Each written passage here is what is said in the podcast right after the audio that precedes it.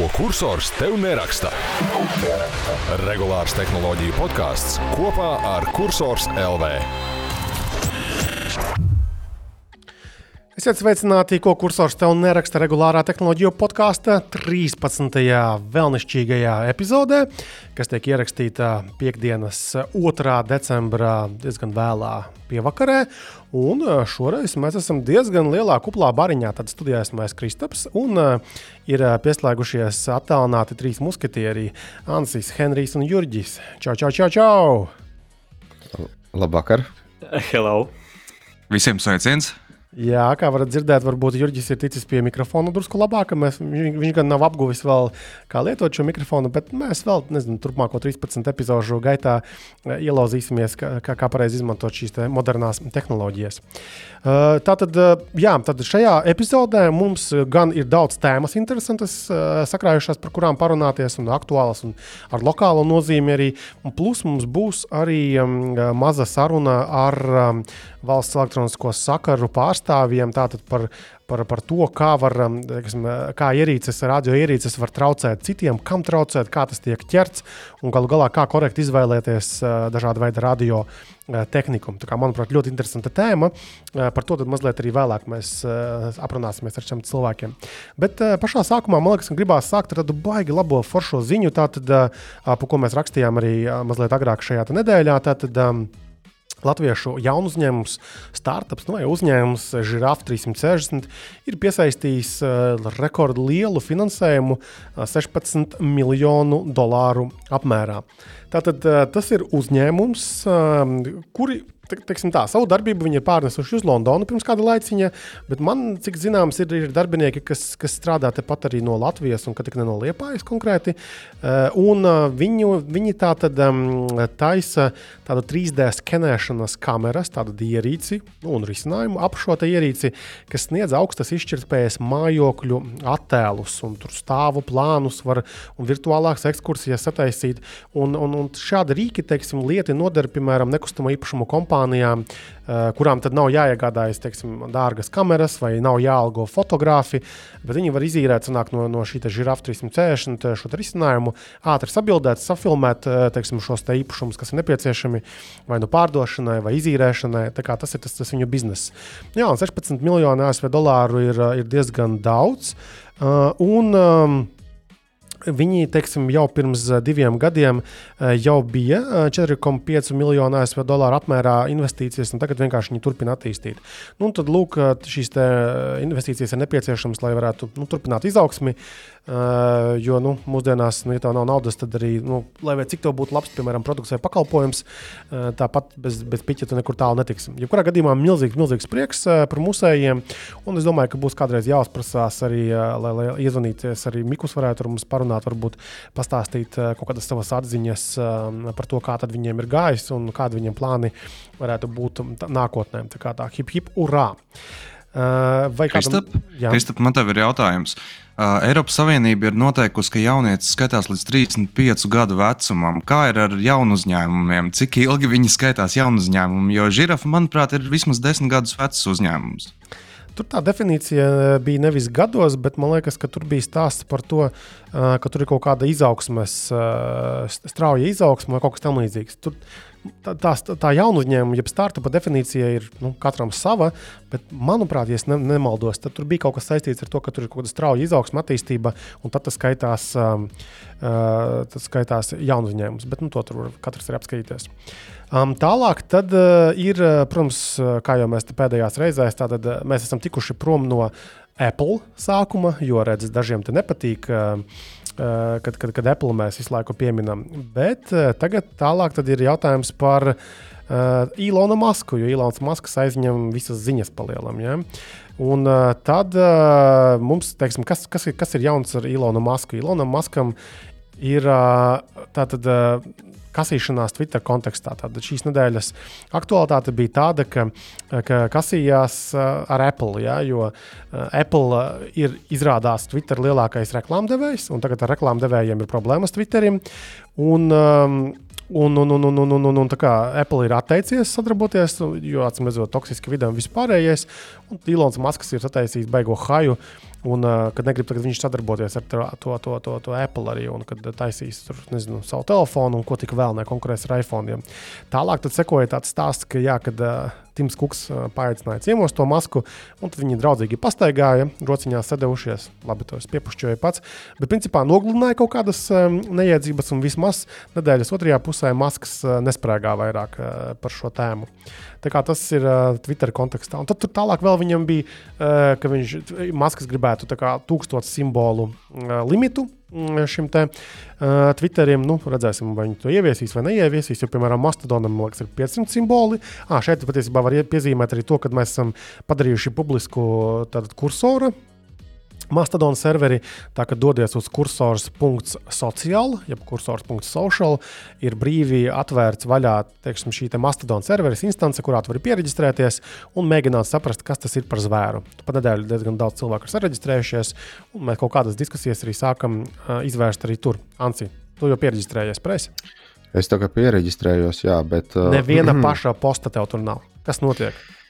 Uh, es, uh, es gribēju pasakot citiem cilvēkiem, bet man bija, man bija tāda liela vilšanās, ka, uh, ja tu esi kursora serverī, tad, piemēram, kas tur bija tie otri, tas tūls vai kas tur bija? Tūt, tūt, tūt, tūt vai kaut kas tāds, jā. Uh, kad, uh, nu, nevar tik vienkārši piesakot. Tev ir tā kā viņi kaut kā tu vari viņus atrast, bet tu, viņus, tu viņiem nevari tik ātri piesakot, tur ir ekstra soļi, un tas man nelikās tā baigi. Tu zini, zin, kā tu vari tātad, ja tu no weba teiksim, pārlūku atvēri, tur pa kreisi augšā ir meklētājs. Tu ieraksti to niku, piemēram, tur nezinu, pupsiks Henrijs etot.lv, un tad tev parādīsies, nu varēsi piesakot. Piesa, jā, nav, jā, nav jau problēma beigās galā piesakot, bet tur ir kaut kāda ekstra pāris klikšķi. Man jā, tas likās, tas gan, tas gan pāris nu, klikšķi tur ir. Tas priekš mūsdienām, nu tā nepārāk. Un, un tad tā doma ir tāda, ja, ka tu, piemēram, piesako tam uh, Henrijam nu, no tā citas servera, un tad tu redzēsi, protams, arī tās diskusijas, ko Henrijs veids savā tajā citā serverī, uh, vai arī, ja, ja viņš diskutē ar citiem, citu serveru, un tā tas darbojas. Tā tā sasaiste. Šeit, tā, protams, ir mīnus vairāk klikšķi, bet pluss ir tāds, ka tas ir decentralizēts pasākums un nav kaut kāds viens. Ja, Eh, viena organizācija vai viens kaut kāds cilvēks, kā Ilons, kurš izdomā, ah, nē, viss sapņi, ka bodītis klapējam ciet, un Twitter gadījumā visu aizklapē, nesavāc datus, vispār, nu, čuš, nav nekā vairāk. Ja? Henrijam un Jurģim, es tā skatos pēc jūsu sejām izbrīnītajām, ir vēl laiks pieregistrēties Mastodonam. Nu jā, jāatzīst, man laikam šoreiz nulle intereses. Es esmu gatavs izlaist, jo es piekrītu Ansim, man ir tāds stiprs aizdoms, ka viss atgriezīsies Twitterī. Tā kā tā Nekur jau arī neaizbēgs viņi pagaidām, kamēr nenotiks kaut kādas būtiskas izmaiņas, bet tas, kā ir rakstījusi arī kursorā, rakstā, kāpēc mēs atvērām vaļā. Nu, Mē, nu kā, ja mēs čīkstēsim, ka oh, Twitterī viss ir slikti, bet reizē neko nedarīsim, nu, kaut kādās citās alternatīvās, tad, protams, ka vienā momentā var pienākt, ka viss ir uh, slikti. Bet, uh, bet paši jau mēs esam atbildīgi par kaut kādām papildus opcijām, alternatīvām.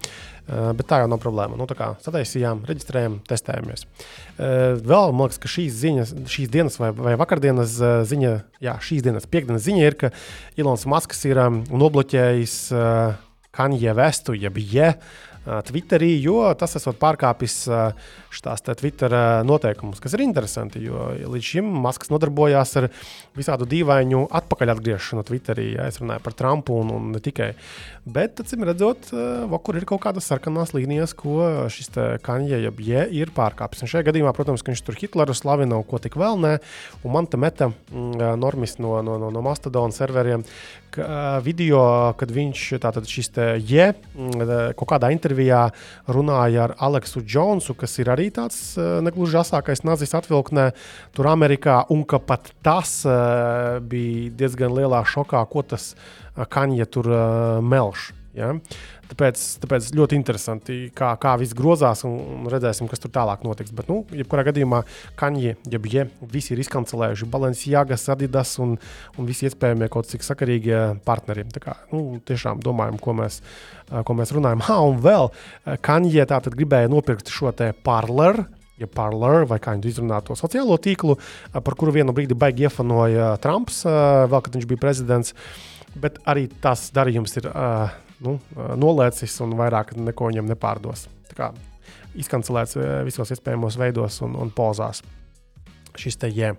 Ir, lūk, un vēl bija tas ziņa, jā, ka Twitter vairs nemēģinās apkarot Covid-19 dezinformāciju. Nu, tas ir tā kā Eh, jo man liekas, tiešām viņš visu tur ir atlaidis eh, cilvēkus, kas rūpējas par šādām tēmām, nu, ne tēmām, bet, bet teiksim, moderāciju, kaut kādā mērā kontroli šim saturam. Plus vēl arī Ilonam Maskam ir tā, tā, tā sapņēnā doma, ka, nu, ka mums tur ir rīktīgā vārda brīvība un var, var visādas muļķības, glupības runāt. Nu, redzēsim, kā tas attīstīsies. Nu, it kā mūsu pusē vismaz šobrīd tas Covid-19 tā tēma nav baigi aktuāla. Ķīnā tā ir aktuālāka, ja kur ir uh, lockdowni pilnīgākie, kas traucē ražot iPhone, kā mēs jau apspriedām pagājušajā nedēļā. Bet, nu, uh, redzēsim, kādas kā, policijas vēl noņems. Jo atbildē uz šo uh, Eiropas Savienība atkal savukārt bija. Uh, Maksā Eiropas komisijā vai, vai kaut kur bija kaut kādas runas, ka nu, jā, Twitterim tagad būs grūti uh, nodrošināt korektu legālu darbību Eiropas Savienībā, jo šeit tomēr eh, rūpējas par, eh, par to, lai eh, nebūtu nekādas dezinformācijas vai kaut kāda riskantu lietu sociālajos tīklos. Tā kā Twitter, Twitter tēma nu, jau kuru nedēļu mums uh, nemazinās uh, savā aktualitātē. Lūk, Saistīti atkal ar, ar Ilonu Masku, protams, ir arī daži labi paziņojumi, kas šonadēļ notika arī citos viņa uzņēmumos. Tātad, kurš Neuralink paziņojumiem sekoja līdzi?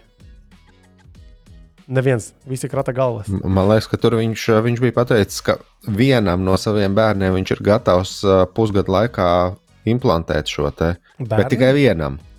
Ne, nu, ne, nešaus pār strīpu, bet tikai vienam iedos iekšā šo te. Nu, viņam, daudz, viņam daudz to bērnu, ja, bet, bet tiešām bija tāda, tāda Neuralink atkal kontekstam. Man liekas, ka ir svarīgi iedot arī kontekstu. Neuralink ir viens no Ilona Maska uzņēmumiem, un ar Neuralink viņš mēģina uzbūvēt um, cilvēka savienojumu ar, ar datoru tehnoloģijām. Tātad matriks tas ir palielam. Jā, tur taču bija tur ieķeksē kaut ko tur galvā, kaustā vai kaut kur pie kakla, un tad tas ir savienojies. Un tad, principā, jā, viņš arī būvē kaut kādu elektrodus, kur, kurus var piesprāst, iesprāst kaut kā smadzenēs, lai dabūtu divas lietas. Pirmā lieta ir, lai nolasītu informāciju no, no smadzenēm. Jā, Anci? Uh, Jā, un, uh, Maska gadījumā nevajag baigi jaukt tādas lietas, kas ir viņa uzņēmums un kas ir viņa ideja. Par, par šo smadzeņu skalošanas aparātiņu es precīzi šobrīd nepateikšu, bet, piemēram, tas, kas ir parakts apakšā, viņiem tur dažās divās, laikam, vai pat vienā Amerikas pilsētā. Uh, zem, kompanijām. Kas lūdzu? Nē, nē, Boring, Borings. Tas, es nezinu, kurš no tiem vis, visiem viņiem. Nu, uh, Vienādi sakot, tas, kas ir izrakts apakšā, tas tunels, pa kur brauc Teslas. Tas ir Boring. Tā ir, tā, jā, tā ir viņa ideja, nevis viņa uzņēmums, nevis viņa nauda. Tur ar, to, ar tiem tuneļiem ņemās, cik es, es pareizi atceros, divi citi uzņēmumi, kuri tur uh, iesviež, neteiksim, investē, bet viņi tur noslīcina savu naudu. Uh, Un, tā, tās ir, div, ir vienādi sakot, divas dažādas lietas. Ir uh, Ilona nauda un ir Ilona idejas. Un dažkārt ir uh, jāmēģina šis nošķirt. Kā ir šajā gadījumā, es, es tā precīzi nepateikšu. Ok, ok, labi. Uh, bet, jā, tad paturpinot, tad viena lieta ir nolasīt informāciju, kas ir smadzenēs, un kāds tur varētu būt praktiskais pielietojums. Nu, piemēram, uh, cilvēkiem ar, ar paralīzi, piemēram. Ja? Tad, tad uh, smadzenēs jau tur darbojas, viss jau tur notiek. Tikai tas, ka tu nevari pakustināt ne rokas, kājas, varbūt un kaut kādas citas uh, ekstremitātes, tad nododot ar nu, hm, domu spēku, tā varbūt vienkārši runājot, informāciju tu vari teiksim, operēt ar kaut kādu datoru ja, un nu, veikt kaut kādas darbības. Tas ir viens virziens, un otrs virziens, kad uh, tas darbojas arī otrā uh, pusē virzienā, ka, kad ar šo sensoru, kas ir implantēts ja, smadzenēs, tu vari nosūtīt kaut kādus signālus arī atpakaļ tajā smadzenēs. Uh, lai kaut ko panāktu. Es nezinu, ko. Ja? Bet tad Neuralink šis pasākums, eh, kurā tika pateikts, ka nu, pēc eh, tagad viņi cūkām testē eh, šos te sensorus, jo cūkas laikam ir ļoti tuvu cilvēkiem tīri fizioloģiski. Man liekas, daudz kur cūkas izmanto šādā kontekstā. Un ka pēc pusgada vai pusgada laikā viņi plāno tik līdz iespējai beidzot arī um, ieskrūvēt, ne, bet uh, pievienot šādu sensoru Neuralink arī cilvēkam. Un arī pats Ilons Masks liekas, bija izteicies, ka patiesībā viņam arī nebūtu iebildumu pašam uz sevi izmēģināt šādu lietu. Kaut kādā tur tālā nākotnē par tiem bērniem nezinu. Bērnu viņam ir diezgan daudz vairāk vai mazāk oficiālu un ar dažkārt dīvainiem vārdiem. Tā kā gan jau arī kāds tiks pie čipa arī tur. Es domāju, viņam arī nevajadzēs kaut kādu to Find My Phone, bet viņam būs Find My Kid via Neuralink. Jūs nešautu čipu paši sev? Es iešautu īstenībā, ja būtu diezgan droši. Man īstenībā interesē tādas tehnoloģijas. Nu, labi, sākt ar kaut ko vienkāršāku. Pirkstā ieliktu šo mikroshēmu, lai varētu samaksāt ar karti. Tas ir viens no nu, nu, es nezinu, ja tam čipam tāds piekdienas, sestdienas režīms ir bez pohām, tad, tad jā. Noteikti vajag aizbloķēt. Un, un tu varētu, nu, tad, out of office, out of office. Auto, out of office uh, jā, un tad, lai tu varētu atbloķēt, tev ir jāatrisina kaut kāds, nezinu, matemātikas vienādojums, un, ja skaidrā prātā varbūt tad, tu vari atrisināt. Jā, tad tu vienreiz ieeji out of office un vairs nekad neiznāc ārā. Vai arī, piemēram, ja, ielikt čipu, kas kā etalons darbojas. Iedomājieties, Rīgas satiksme piedāvātu etalona čipu pakalpojumus. Tā aizgāja, ieči, iečipēja un tad vienkārši iekāpja trolēļbusā un te noskanēja to čipu. Viss, dan, tu esi. Nē, es, es, es, es vairāk par to, ka būtu forši, ja spētu emulēt kaut kādus, nezinu, tur divu ar pus promīļu efektu vai kaut ko tādu, vai tas, trīs promīļu efektu. Man lūdzu. Man lūdzu, ieslēdziet uh, piekdienas uh, vakarā 19. 3 promīļu efektu un, un izslēdziet ir... to varbūt šīs nedēļas sestdienas rītā. Un tad ir kaut kāds tur, nezinu, nojūka laiks, vai tā liekā sekunde vai, vai stundu maiņa. Un tad tev sajūta, un, tev, un darba laikā ir. Jā, pamosties pliks uz jumta. Vai kā tur Pēterim bija? jā, jā, jā Pēter ar dziriņu, ka viņam gāja. Bet Lūk. visu laiku priecīgs jā, tā, tā, tā mēs tajā matricā arī, arī dzīvosim tālāk. Uh, okay, uh, tad tālāk bija liekas, šīs dienas ziņa, par ko arī mums Mārcis Bergs rakstīja, uh, ka Tesla oficiāli piegādā pirmo semi elektrisko kravas auto, un tur kaut kādas plašākas detaļas pastāsta par to visu pasākumu. Tātad uh, Tesla semi ir tāds.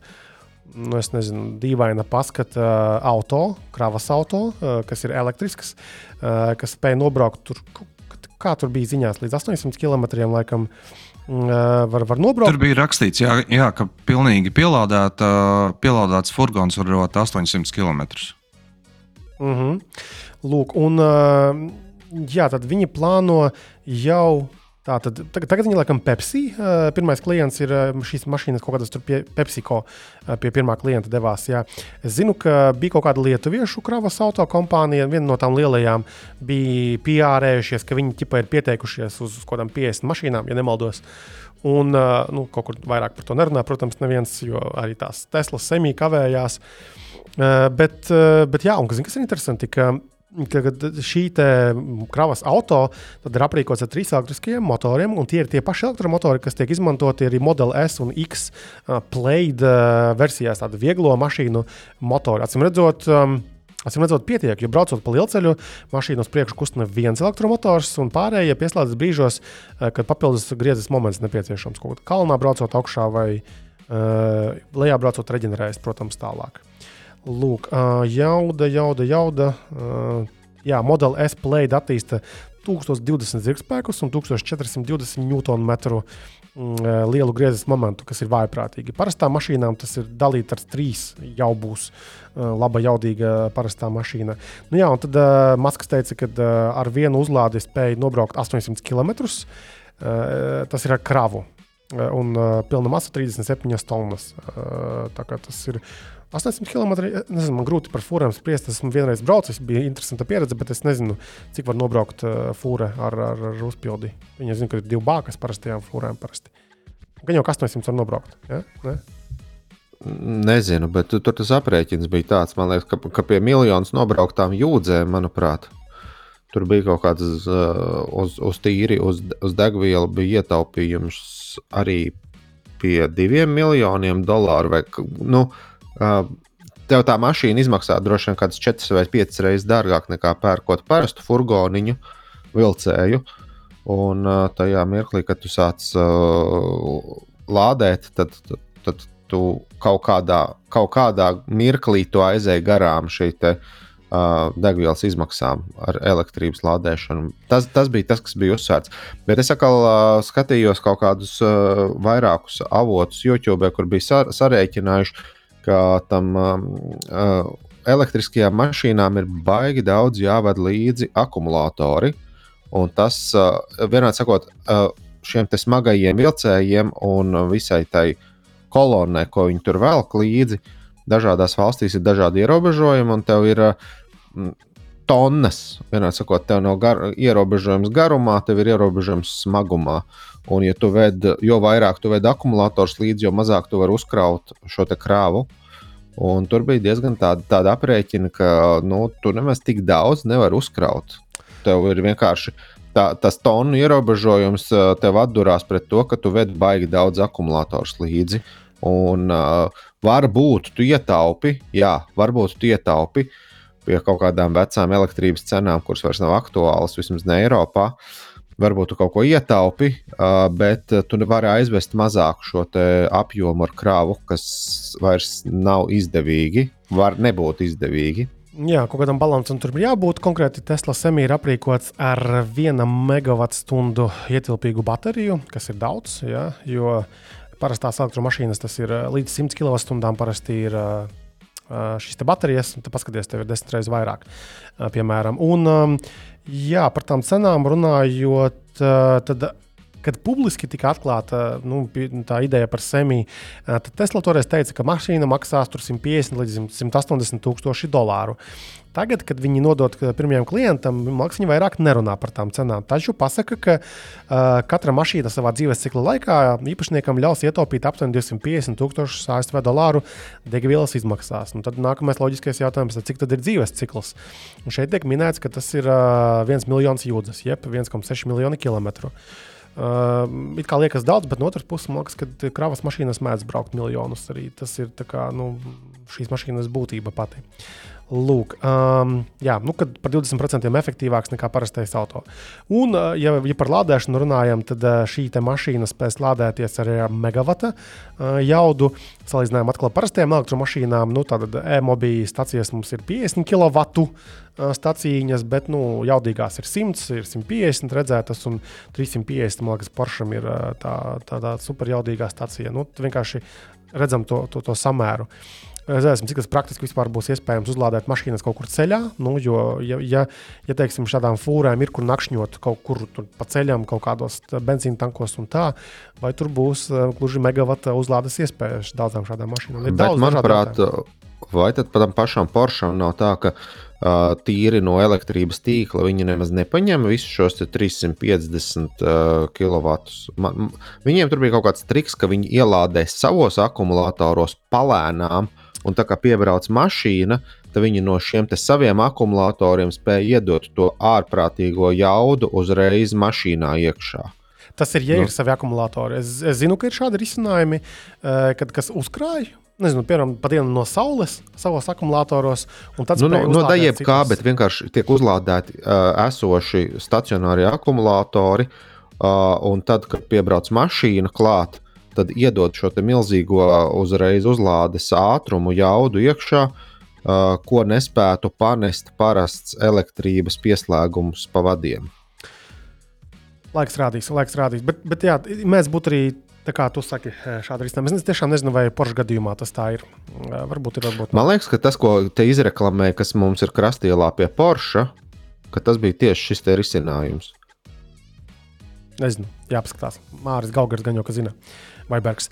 Uh, ok, labi, tad uh, tas ir par to. Uh, un uh, vēl noslēdzot šo te Tesla semiju, kad jā, var lādēt ar to megawata jaudu, un arī Cybertruck varēs lādēt ar megawata jaudu. Cybertrucks atkal ir tā mašīna, kas ir izziņota labi sen, bet vēl nav nodota ne klientam pirmajam. Un kaut kādā es redzēju ziņas virsrakstu, ka, ka realitātē tā mašīna būs mazāka, drusku citādāka nekā tas bija bildītēs pirms tam un uz tās skatuves, kad viņi daudzīja ar tām metāla lodēm tos. tos Jā, Cybertrucks bija tur forši, ka viņi daudzīja tos stiklus un tur vienu sasit un tad paraustīja pats. Nu, vai tad sitam otru un tas toču nesaplīsīs un tas arī saplīsa.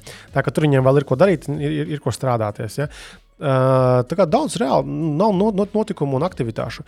Ja mēs runājam par lokālām lietām, tad šodien atceļoja preses relīze no rīta uh, par mūsu pašu OX Drive, šo te Teslu nomu, ko mēs esam testējuši. Arī Mārcis Bergs ir aprakstījis, arī intervija ir bijusi arī ar OX Drive vadītāju. Uh, un tad, tagad viņiem jaunums tāds, ka OX Drive paplašina koplietošanas automašīnu pieejamību pierīgā. Viņi droši vien atraduši kaut kur uzlādes iespējas Nahaļau, ja? tālāk no centra. Nu, Nahaļau tev ir tikai superchargers, un tur visi cepās, kā viņi tā drīkst. Tas nav fair. Superchargers un, un Ikea. Ikea, es neesmu redzējis patiesībā šīs mašīnas, bet varbūt arī ir. Bet tagad tad 11 jaunās vietās būs Mārupe, Jaunmārupe, Piņķa, Babīta, Baltazars, Ādaži, Valdlauči, Vecmilgrāvis, Ulbraka un Baloži un Vecāki. Ja? Tātad līdz šim bija tikai Rīgā un Jūrmalā, tagad viņi izplašās mazliet tālāk. Es redzēju, kaut kur TikTokā vai kur uh, avārijas ar šīm teorijas drive mašīnām. Ja, tur bija kaut kas, pirmais sniedziņš uz, uzkrita. Protams, ka cilvēki braukt neprot, mašīnas pietiekami jaudīgas. Un, uh, smagas, eh, un uh, tur normāli bija ieskrējies kaut kas, kaut, kaut, kaut kāda valdumā iela vai kaut kas tamlīdzīgs. Tad, protams, kad priekšā stāv krustojumā mašīnas, un bremzē, un nekas nenotiek, un bums, viss mašīna ir lupatās. Tā kā tā. Bet viss tur apdrošināts noteikti ir. Tas viss ir uh, izreikināts, ka tā ka cilvēki sitīs tās mašīnas. Tas tāpat kā tās fiksijas zojas, taču arī, kad uh, parādījās, kā viņi šķīla.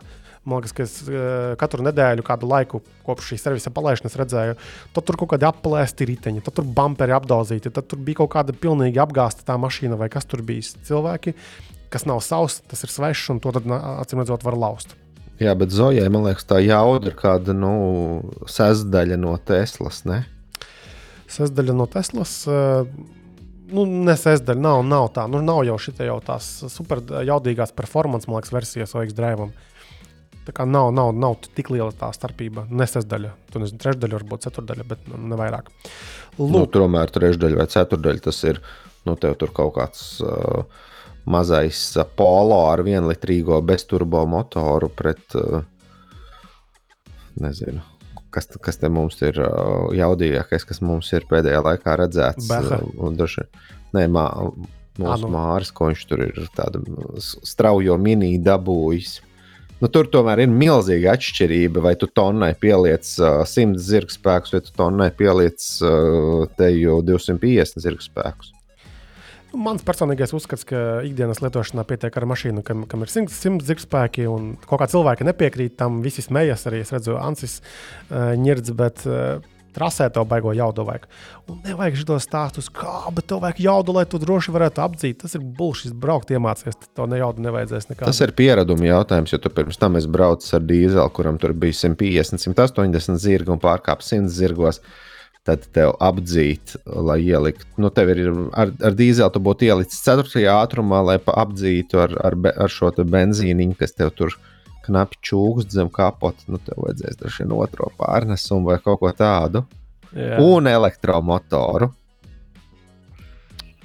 Jā, nu labi. Ko, ko, ko, ko, ko par bēdīgo? Parunāsim par vēl bēdīgākām lietām. Tad, tad um, atkal Ilona Maska kontekstā, tātad uh, SpaceX, tātad, uh, tas, kurš Starlink taisa šo satelītu internetu, uh, atkal ir ziņas, ka viņi diezgan būtiski paaugstina cenas Ukrajinā. Jo skaidrs, ka tur pieprasījums pieaug pēc šiem Starlink satelīta termināļiem un vispār šī pakalpojuma. Tas ir viens, tas, ka krievi tur viņus tur hako, lauž un aiztiek vietās šo pakalpojumu, tad, jā, tad viņi. Ja iepriekš bija, teiksim, Ukrainā varēja dabūt šo satelītu, kas maksāja, teiksim, dolāra ekvivalentā 385 dolāri, tad tagad ir pacelts līdz 700. Tātad gandrīz dubulta, dubulta cena, un arī tas ikmēneša maksājums no 60 līdz 75 dolāriem, nu, kas ir diezgan līdzīgi varbūt arī eiro izpratnē. Un, jā, kad, kad ir, ir dārgāks šis pasākums palicis, bet joprojām spēkā ir tas, ka Starlink tiešām ir nu, ļoti noderīgi Ukrajinā kara apstākļos, un kad ir sagrauta teiksim, infrastruktūra parastajiem teiksim, sakariem, mobiliem sakariem, tad šie Starlink diezgan, diezgan, diezgan noder. Lūk, un, ja mēs runājam par, stā, par Starlink, tad es domāju, ka šis ir īstais moments, kad aprunāties arī ar, ar, ar, ar viesiem no valsts elektroniskie sakari tieši par to, kā tad korekti, droši vispār iegādāties pareizes šim reģionam atbilstošas radio ierīces, kas notiek tad, kad nav korektas ierīces iegādātas, un, un kā viņi rīkojas, kā viņi tur pēlē un ķer rokā. Tā kā slēdzamies klāt un aprunājamies ar mūsu viesiem. Tā, nu tad mūsu sarunā ir pievienojies Māris Čamans, kas ir valsts elektroniskie sakari atbilstības novērtēšanas nodaļas vadītājs. Čau, Māri! Sveiks, Kristap! Un Lauris Labanovskis, kas ir radiofrekvenču monitoringa kontrolas nodaļas vadītājs arī no valsts elektroniskiem sakariem. Čau, Laurim! Čau, Kristap! Milzīgs prieks, ka jūs spējāt rast laiku šajā piekdienas vēlajā vakarā, lai aprunātos arī ar, ar, ar mani, ar, ar mūsu klausītājiem, kas ir ļoti ieinteresēti tehnoloģiju aktualitātēs un, svarīgās tādās tehnoloģiskās tēmās. Bet varbūt tiem, kas nav dzirdējuši, kas vispār ir valsts elektroniskie sakari un ar ko jūs konkrēti nodarbojaties, pastāstiet, jā, kas tas ir, ko jūs darāt un par, par ko jūs turat rūpi Latvijā. Okay. Eh, elektroniskie sakari ir organizācija, kurai ir uzticēta valstiska funkcija eh, pārvaldīt, jeb citiem vārdiem sakot, apsaimniekot radiofrekvenču spektru Latvijā, kas ir eh, dabas resurss, nacionālā bagātība. Tad, tad organizācijas nu, tie, tie uzdevumi sastāv faktiski no vairāku pasākumu kompleksa. Tas ir administratīvi pasākumi un tehniski pasākumi. Ja? Tad administratīvie pasākumi tas ir radiofrekvenču spektra plānošana, koordinēšana ar, ar, ar kaimiņu valstīm, uh, spektra lietošanas atļauju izsniegšana un tam līdzīgi. Un tehniskie pasākumi savukārt ir radioiekārtu lietošanas uzraudzība, spektra monitorings, radiotraucējumu novēršana, ja tādi parādās. Uh, dažādi specifiski mērījumi. Ja, tas ir tā, tā viena liela uh, funkcija. Mm -hmm. Man ļoti patīk, kā tu pieminēji kā vārdu dabas resursus. Vai tas ir salīdzināms ar, piemēram, nezinu, meži, ezeri, upes, nu, šī frekvences? Kaut Jā, kā? īstenībā ļoti precīzi, ļoti precīzi. Tas ir tā kā līdzīgi tā kā nezinu, nafta, varbūt tas nu, gluži, jā, bet tas ir tāds kaut kur savā ziņā netverams, bet tas ir tiešām dabas resurss, kas ir katrai valstī. Eh, uz pasaules. Katrā valstī ir šāda līdzīga spektra administrācija, kas, kas attiecīgi apsaimnieko to spektru un rūpējas tā, lai tās radioiekārtas vispār var sadzīvot un netraucē vienotrai. Tieši tā, jo it kā varētu būt tā daudz tehniski nezinot šīs detaļas, domāt, ka oh, tas, kas mums apkārt, tur ir vienkārši faktiski neierobežots šis spektrs, bet tā jau nav. Jo tās tehnoloģijas, kas tiek izstrādātas, tās tiek izstrādātas, lai darbotos noteiktās frekvencēs. Uh, Wi-Fi ir vienās frekvencēs, mobilie sakari ir citās frekvencēs, nu, patiesībā pat tur vairākos diapazonos ir. Uh, un, un vēl citas ierīces vēl kaut kādos, un nezinu, tur glābējiem rācijas ir vēl kaut kādos, un tur ļoti svarīgi, lai būtu korekti sadalīts, kas tieši kāds komersants pat darbojas kādās frekvencēs, lai tur nepārklātos, ja, piemēram, preiz skaidroju. Jā, ļoti precīzi īstenībā. Jā, tur jābūt eh, zināmai kārtībai, zināmam plānam, lai katrs strādā viņam piešķirtajā kanālā. Tā ļoti vienkārši runājot. Un, lai, lai kāds cits eh, nu, nesaskaņot viņam, nekāptu uz galvas, nesāktu strādāt arī tajā pašā kanālā. Ja? Tā, tā ļoti primitīvi. Es starp citu par, par tām frekvencēm runājot, uh, un visus mūsu kara mobilo sakaru operatoru darbs. Un, mobilo sakaru operatori parasti sāk runāt par frekvencēm, tad, kad parādās uh, Eh, nākamās paudzes kaut kādas tās tehnoloģijas. Tur, kad 4G sāka Latvijā parādīties pirms daudziem gadiem, Vot, visi tur pēkšņi runāja par tām frekvencēm. Un tagad aktuālā tēma, protams, ir 5G frekvences. Varbūt tu no galvas atceries un vari pateikt, eh, kādos diapazonos nu, ļoti aptuveni strādā teiksim, šīs te 5G eh, mobilē sakaru tehnoloģijas Latvijā. Jā, protams, jā. Tad sākumā Latvijā sāka strādāt 5G sakaru tehnoloģijas tā saucamajā 3,6 GHz diapazonā. Uh, nedaudz vēlāk, tagad jau ļoti strauji sāk izvērsties uh, mobilā sakara tīkli uz 5G uz 700 MHz. Un uh, nākotnē, tuvākajos gados, ir plānots, ka varētu būt izveidotas tādas kā mazas šūnas, tāda, tiksim, tāda lokāla rakstura pārklājumi uz krietni augstākām frekvencēm. Tas jau ir 26 GHz. Ja, tad, tad, tad ir trīs jauni diapazoni, kas, kas um, nāca apritē. Un, cik es saprotu, tad tā nu, zemākā diapazona, tas, tas 700 MHz, tas ir tikai paņemts no uh, televīzijas uh, preses kaut kuras. Jā, jā, jā ļoti, ļoti precīzi. Jā, tika pārplānots frekvenču spektrs, un tur, kur agrāk strādāja televīzija, uh, mums visiem eh, ierastā, ja, tad attiecīgi to spektra daļu uh, faktiski nu, atdeva mobīliem sakariem. Ja, tad uh, pārplānot to visu, uh, skatoties, kā attīstās tehnoloģijas, kam vairāk tas ir nepieciešams, kam tas praktiskāk izmantojams būtu. Tā, tas notiek visā pasaulē. To sauc par ciparu, ciparu dividendi. Tā mm. iegūst papildus spektra resursu uz citu iepriekšējo resursu rēķinu. Un, un kāpēc teiksim, šādam te vienai vienotai tehnoloģijai, kā 5G, ir nepieciešami uh, trīs, nu, šajā gadījumā trīs dažādi šie diapazoni? Kurš tiek kurās gadījumos pielietots? Piemēram, 700 MHz. Jā, tad, tad, tad tur katram diapazonam ir savas īpatnības. Tad, tad, ja tā ļoti vienkārši skatāmies, tad zemākās frekvencēs signāls izplatās um, nu, tālāk. Viņš, viņš netik strauji rimst, līdz ar to ar, ar mazāku bāzes staciju skaitu var izveidot lielāku pārklājumu. Ja? Piemēram, 700 MHz diezgan veiksmīgi, tīpaši lauku rajonos, var izveidot uh, diezgan labu nu, mobilo sakaru pārklājumu, ne, neinvestējot tur pārmērīgi daudz līdzekļus. Bet atkal tur ir nu, sava veida mīnus. Ja? Tur ņemot vērā tās pieejamās joslas, nu, tur nevar sasniegt ļoti lielus ātrumus, tikai 700 MHz. Tālāk, ja mēs skatāmies uz augstākām frekvencēm, 3,5, tur jau situācija labāka. Ja? Tīpaši, ja tur izmanto 100 MHz kanālu, tad tur ātrumi jau kļūst ļoti, ļoti labi. Bet tur atkal tā zona nav tik liela. Bet nu, viņa, nu, tā, nu, kaut kādi teiksim, kilometri, divu attālumā droši vien būs. Un, un savukārt 26 GHz tur atkal var dabūt uh, vēl, vēl lielākus ātrumus, bet atkal tur tā nu, darbības attālums būs krietni, krietni mazs. Tie ir runa par kaut kādiem uh, nu, simts, uh, varbūt dažiem simtiem metru. Mm -hmm, okay. Un, uh, kas ir tās izsoles, uh, kur piedalās teiksim, šie te komersanti, mobilo sakru operatori? Kā tas process tā ļoti vienkāršoti darbojas? Kāpēc izsoles? Jā, nu, īstenībā Tas Latvijas gadījumā ir sabiedrisko pakalpojumu regulēšanas komisijas kompetencē, ja, tā ir cita organizācija. Un tad, attiecīgi, kā jau iepriekš minēju, tas ir nu, sava veida nacionālais resurss. Ja, mm -hmm. Radiofrekvenču spektrs tas ir ļoti vērtīgs resurss. Un, lai valsts teikt, nu, būtu arī sev labumu, ja, nu, ienākumus Eh, valsts kasē, nu, tad uh, organizē izsoles, uh, izsoli to spektru, un komersanti var piedalīties izsolē. Attiecīgi, kurš gatavs maksāt vairāk, tas iegūst to spektru daļu. Jāsaka, gan, ka, ka Latvijā nu, tas kopējais pieejamais spektrs šīm mobilo sakaru sistēmām ir sadalīts diezgan vienmērīgi. Ja, tad, līdz ar to ir ļoti, teiksim, tā, tā konkurence ir ļoti labi veicināta. Ja, visiem līdzīgs spektrs ir daudzums pieejams, un līdz ar to visi var attīstīties šādā, šajā ziņā nu, līdzvērtīgi vērtīgi.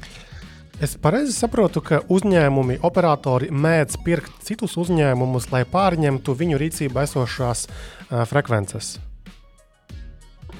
Um, nu, tā, tas, tā tas varētu būt. Nu, tiešā vai netiešā veidā. Ja? Nu, teiksim, uh, tur ir nianses, ja, kad uh, nav tik vienkārši. Nav tik vienkārši ja. Tu nedrīkst, nevar nopirkt, nopirkt citu uzņēmumu un pēkšņi tur attīstīt. Uh, attīstīt tīklu, neievērojot varbūt tās kaut kādas nosacījumus, kas bija izvirzīti konkursā. Jā, tur... Tāpat jāskaņo viss ir un, nu, lai būtu legāli. Es teiktu, jā, tur, tur ir trikīgi, tur jāskatās. Tad, tas nav tik vienkārši, ka nav viennozīmīgas atbildes. Okay, labi. Man liekas, ka šī tēma pati par sevi ļoti interesanta, atsevišķa sarunas uh, vērta. Bet tagad parunāsim varbūt mazliet tuvāk tāda, nu, tāda lietotāja vulgāriskā mēs šeit visi kontekstā. Nu, labi, jā, mēs te pērkam visādus gadgetus. Jā. Konkrēti jūsu gadījumā tāda runa ir par visa veida ierīcēm, kas uh, spēj sazināties savā starpā vai ar kaut ko citu, nezinu, internetu, bez vadu palīdzības. Tātad radio ierīces, kuros ir radioraidītāji. Um, Kā, kāda tipa tās, tās ierīces ir, kas, eh, kas ir interesantas jums un kas, kas, kas ietekmē kaut kādā veidā eh, jūs, jūsu darbu? Tātad tas ir eh, labi, telefoni, piemēram, visādi. Ja? Nu, Radiokārtas klāsts ir baigi liels. Var teikt, šodien ir grūti pat nosaukt iekārtu, kurā nav iebūvēts radio modulis. Piemēram, iepriekš kaut kāds leduskapju ražotājs simts gadus ražoja leduskapi, un šodien viņš domā sekot līdzi modes tendencēm un iebūvē iekšā radio moduli vai kaut kādu kameru, tad viņam uzreiz attiecinājumi radio kādu noteikumu prasības. Jā, arī visu tādu mājas gadgeti, viedā tehnika, visi tie baby monitori kaut kādi. Jā, jā baby monitori, zāles pļāvē, roboti. Radiotelefoni, kameras, radiotelefoni, jā, un, un biežākie, jā, šobrīd mūsu traucējuma avoti ir bezvadu video novērošanas kameras, tās bezvadu telefoni, kurus pieslēdz pie fiksētajiem tīkliem. Nu, arī pa laikam uzliek kaut kāds savādāks, piemēram, te kolēģis lūdza man tieši pateikt, ka ir arī rācijas, kuras iegādājas kaut kādās trešās pasaules valstīs, nopērk un viņas, viņās ir iebūvētas frekvences, kuras nemaz nav paredzētas rāciju lietošanai. Tādā veidā viņš arī traucē citiem radiosakaru sistēmām. Nu, teikt, tas klāsts ir ļoti liels. Un... Un, un kā izpaužas šī traucēšana? Nu, piemēram, es nezinu, nu, Aļikā nopirku kaut kādas rācijas, ko nezinu, ar bērnu, piemēram, lai viņu sasauktu, kad viņš tur laukā kaut kur nesājas, tur, nezinu, tur miknās mājās. Ja? A, kā tas traucē? Kam tas traucē? Jā, šeit varbūt tās es jums varētu palīdzēt atbildēt uz to jautājumu. Tad, jā, tā ir atsevišķa tēma, ko, ko Māris, mans kolēģis, nedaudz aizskāra. Tad nu, kaut kāda veida radiosakaru traucējumi, ja, kas rodas. Protams, tā pasaule nav ideāla un ik pa laikam nu, tādas ķibeles rodas, kas ir, nu, teiksim tā, es domāju, normas robežās. Tātad, kā rodas traucējumi? Tad, Tas atkarīgs no sakaru sistēmas, kura tiek traucēta. Ja mēs apskatām publisko mobilo sakaru tīklu, ja, tad mums visiem labi zināmo, ja tur visiem telefons, kabatā, rūters mājās varbūt tās. Uh, tipiski, ja tad pasliktināsies sakaru kvalitāte. Tad vai nu, vai nu interneta datu pārējais ātrums nokritīsies, vai arī, vai arī zvanot, uh, nu, tad, kaut kāda kropļojuma būs, vai zvans norausies, vai tam līdzīgi kaut kas notiks. Nu, sliktākajā gadījumā pārtrūks sakari uz kādu brīdi droši vien. Ja. Uh, Nokal, ja tās ir kaut kādas es nezinu, teiksim, datu pārraides eh, sistēmas, eh, tad, tad noteikti jā, atkal kritīsies ātrums vai, vai pazudīs links, jā, sakars. Ja tās ir radionavigācijas ierīces, nu, tad, protams, būs traucējumi to iekārtu darbībai principā. Ja, tad viņi nevarēs pildīt savu funkciju. Vai nu tur, vai nu tur nu, teiksim, radars uh, nespēs noteikt objektus, tas, tas kas viņiem jānosaka, ja, jo viņam kaut kāds sektors ir, ir notraucēts, piemēram, vai viņš ir pilnībā paralizēts. Vai GPS eh, mums visiem labi zināmais eh, nedarbosies korekti, tad nedos precīzu pozīciju, kas, starp citu, arī ir, ir, ir, ir kļūst ar vien aktuālāk, jo arī lidmašīnās izmanto GPS navigāciju. Jā, tad, uh, īpaši lidlauku tūmā Eh, lidmašīnām, ejot uz nosēšanos, jā, tad tās sistēmas tiek izmantotas ne tikai mašīnā vai telefonā. Vai ir bijuši gadījumi, tu tā smuki aizvilki līdz, līdz lidostām, vai, piemēram, Rīgas starptautiskajā lidostā ir bijuši gadījumi, kad kaut kas speciāli vai nespeciāli traucē tieši signālu tām ierīcēm, kas tur ir? Jā, jā nu gadās, gadās, ka mums, mums informē par, par kaut kādām ķibelēm. Ir bijuši gadījumi, kad uh, Balsts sakaru uh, iekārtām ir kaut kāda traucējuma, tur, kur dispečeri sazinās uh, ar lidmašīnas pilotiem, ja, tad tā, tie ir VHF sakari. Uh, ir bijuši traucējumi nu, tad, uh, gaisa satiksmes novērošanas radaram kādreiz. Um, Tātad saistībā ar tiem pašiem GPS uh, nu, signāla traucējumiem arī esam pētījuši situāciju. Um, ik pa laikam, jā, tad, uh, Ir, bet es neteiktu, ka bieži ja, nu šādi un tad gadās, uh, un tur, tur savukārt mēs reaģējam ārkārtīgi ātri, operatīvi. Es teiktu, 247, 247, un tik cik ātri mēs paspējam aizbraukt, tik arī ir. Kā tas praktiski notiek? Es pieņemu, ka teiksim, mobilā sakra operatori, kuriem teiksim, šāda tipa situācijas ir, nu, ja ne ikdiena, tad vismaz regulāra lieta. Gan jau, ka viņi zina, kā sazināties ar jums, bet, piemēram, kāds uzņēmums, varbūt cits vai, vai privāta personas, kuriem liekas, ka kaut kas viņiem traucē dzīvot, vai viņi arī var mēģināt ar jums sazināties uz kaut kādu kontaktu tālruni un izsaukt, lai jūs braucat pētīt, kā tas darbojas? Jā, noteikti. Tātad par, par traucējumu pieteikšanu īstenībā e, ir vairākas opcijas. Mums e, mūsu mājaslapā vases.lv ir tāda pie, e, trau, radiotraucējuma pieteikuma forma, elektroniskā, interaktīvā. Ja, tad aizpildot noteiktus lauciņus, nu, cilvēks var mums pieteikt to problēmu.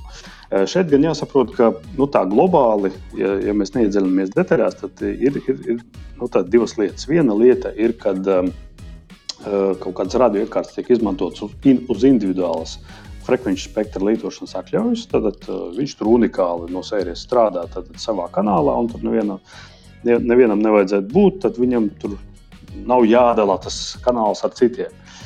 Eh, un tur eh, notiek, tā, ka mēs aizsargājam eh, pret traucējumiem. Otra kategorija ir tā, tā saucamais koplietošanas radiofrekvenču spektrs, mm, kur, Wi-Fi, kur, kur ja? strādā jā, Wi-Fi, kur, kur strādā iekārtas, kurām nevajag saņemt individuālu atļauju. Līdz ar to nu, tur tā, tā vienkārši runājot, viņam jāsadzīvo savā starpā. Nu, tad ar kaut kādiem tehniskiem paņēmieniem jāizvairās vienam no otra, nu, kaut kādiem radītiem traucējumiem, kas ir normāli. Uh, Ja, bet, bet tur ir jāievēro stingri tehniskie noteikumi, lai strādātu tajās koplietošanas joslās. Jo uh, nedrīkst būt tā, ka viens izdomās tagad uh, uzgriezt ļoti lielu jaudu, uztaisīt uh, super garo linku ja, tajā frekvencē, un, un pārējie visi čuši tur vairāk nevar pastrādāt. Mm. Un, un, un tāpēc arī mēs uzraugam, un, un teiksim, ja, ir, ja ir tādi pārkāpumi.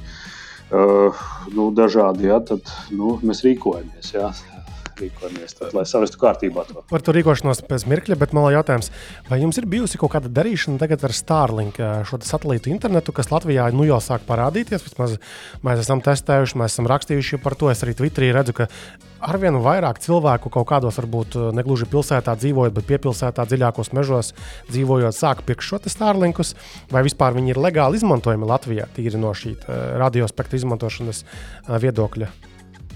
Jā, paldies par interesantu jautājumu. Un īstenībā es pats konkrēti eh, ar šo tēmu neizdarbojos, bet es eh, zinu, ka mani kolēģi, tie, kas eh, strādā frekvenču plānošanas funkcijā, ja es nemaldos, viņi pat laikam izsnieguši frekvenču spektra lietošanas atļauju šo iekārtu vai nu testēšanai, vai darbam. Tas būtu jāprecizē. Nu, tad noteikti viņi ir kontaktē, kontaktējušies ar Ilonu Maska kompānijas pārstāvjiem ja, un, attiecīgi kārtojas to jautājumu. Tātad kaut kas ir bijis. Ja. Un, jā, jā. Es varu piebilst, jā. Jā, ka es biju mazliet iesaistīts šajā jautājumā. Mēs skatījāmies tieši tās galiekārtas, vai viņa atbilstība ir novērtēta. Nu, nekādas neatbilstības neesam konstatējuši. Kā, kā, kādās frekvencēs strādā tieši šie tie šķīvi, kas Oi, tu uzdevi tādu jautājumu, es mazliet tādu. Tur bija, tur bija diezgan daudz. Tur bija, tur bija gigahertz. Jā. jā, tagad ar tiem satelītiem. Tas bija pusgada atpakaļ. Es tiešām tagad, uh, nepateikšu precīzi. Okay, to mēs atradīsim. Yeah. Un tur, man liekas, viņa baigā ātri arī mainījās. Tur diezgan, nu, diezgan, diezgan interesants tas viss izskatījās. Um, tad vēl esmu dzirdējis tādas urbānās leģendas par kaut kādiem dusmīgajiem kaimiņiem, tipiski daudz dzīvokļu mājās, kuram piebesīja viss apkārt. Tad viņi uh, kaut kur nopērk un ierūpīja signāla slāpētājus, kad visiem apslāpēja apkārt. Ir tāda lieta? Tā ir atsevišķa tēma. Jā. Jā. Um, tāda ir jā, tāda lieta, signāla slāpētāji. Viņus sauc par, um, tautā sauc gan par džammeriem, uh, gan, gan vēl kaut kā, teiksim, um, zinātniski viņus sauc par speciālās radioierīces, jā, un īstenībā ir speciāli ministra kabineta noteikumi Latvijā apstiprināti, kuri, kuri pasaka to, ka šādas ierīces uh, atļauts izmantot tikai valsts drošības iestādēm un nacionālajiem bruņotiem spēkiem. Ar to arī viss punkts. Tātad tālāk, ja šīs ierīces izmanto visi pārējie, kas nekvalificējās šim, ehm, neiedziļinoties detaļās, varu pateikt, var sanākt ļoti lielas nepatikšanas. un, ne, un nemēģiniet to ehm, sakās, pirkt, izmantot, jo, jo par glabāšanu, pirkšanu un izmantošanu tiešām tur var sanākt pat krimināla atbildība. Šādas konkrētas ierīces man kā tādam netehniskam cilvēkam eh, šķiet, ka ir diezgan viegli atklāt, kur, kur tās darbojas. Vismaz antena. Pareizi. Nu, ja viņas labi. Piln, pilnīgi pareizi. Jā, nu, antēnu varbūt uzreiz neredzēsim, bet mēs eh, ļoti labi spektrā redzēsim jā. signālu. Viņš ir raksturīgs tiem, tiem slāpējošiem ierīcēm, ko mēs ļoti labi redzam saviem spektra analizatoriem. Un mums ir īstenībā kolēģi entuziasti uztaisījuši paši savām rokām, radījuši tādu, tādu risinājumu, kas eh, nu, datorizēti, automatizētā režīmā eh, paši detektē tādus džammerus arī.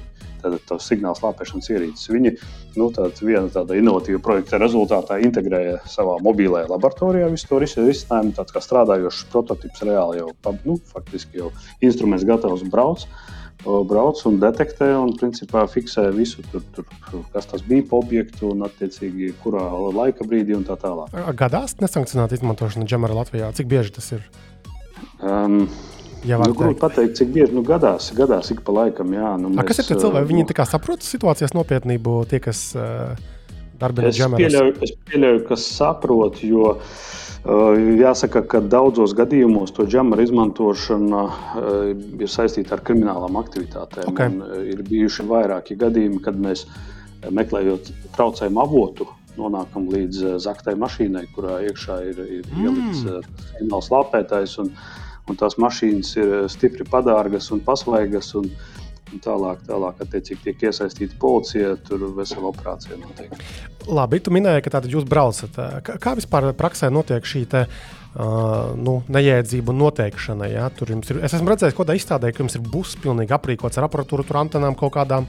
Kā tas viss izskatās praksē? Uh, Jā, nu, praksē tā, mums ir gan, gan eh, fiksētās motoringa stācijas pa visu Latviju. Ja, mums ir vesels desmit motoringa stācijas lielākajās pilsētās, kas noklāj lielu daļu teritorijas, tātad eh, arī lielākās pilsētas, no kurām mēs varam um, attiecīgi uztvert to signālus un jau noteikt um, to virzienu, kurā nu, to lokāciju aptuveni, aptuveni noteikt, kur atrodas tas avots.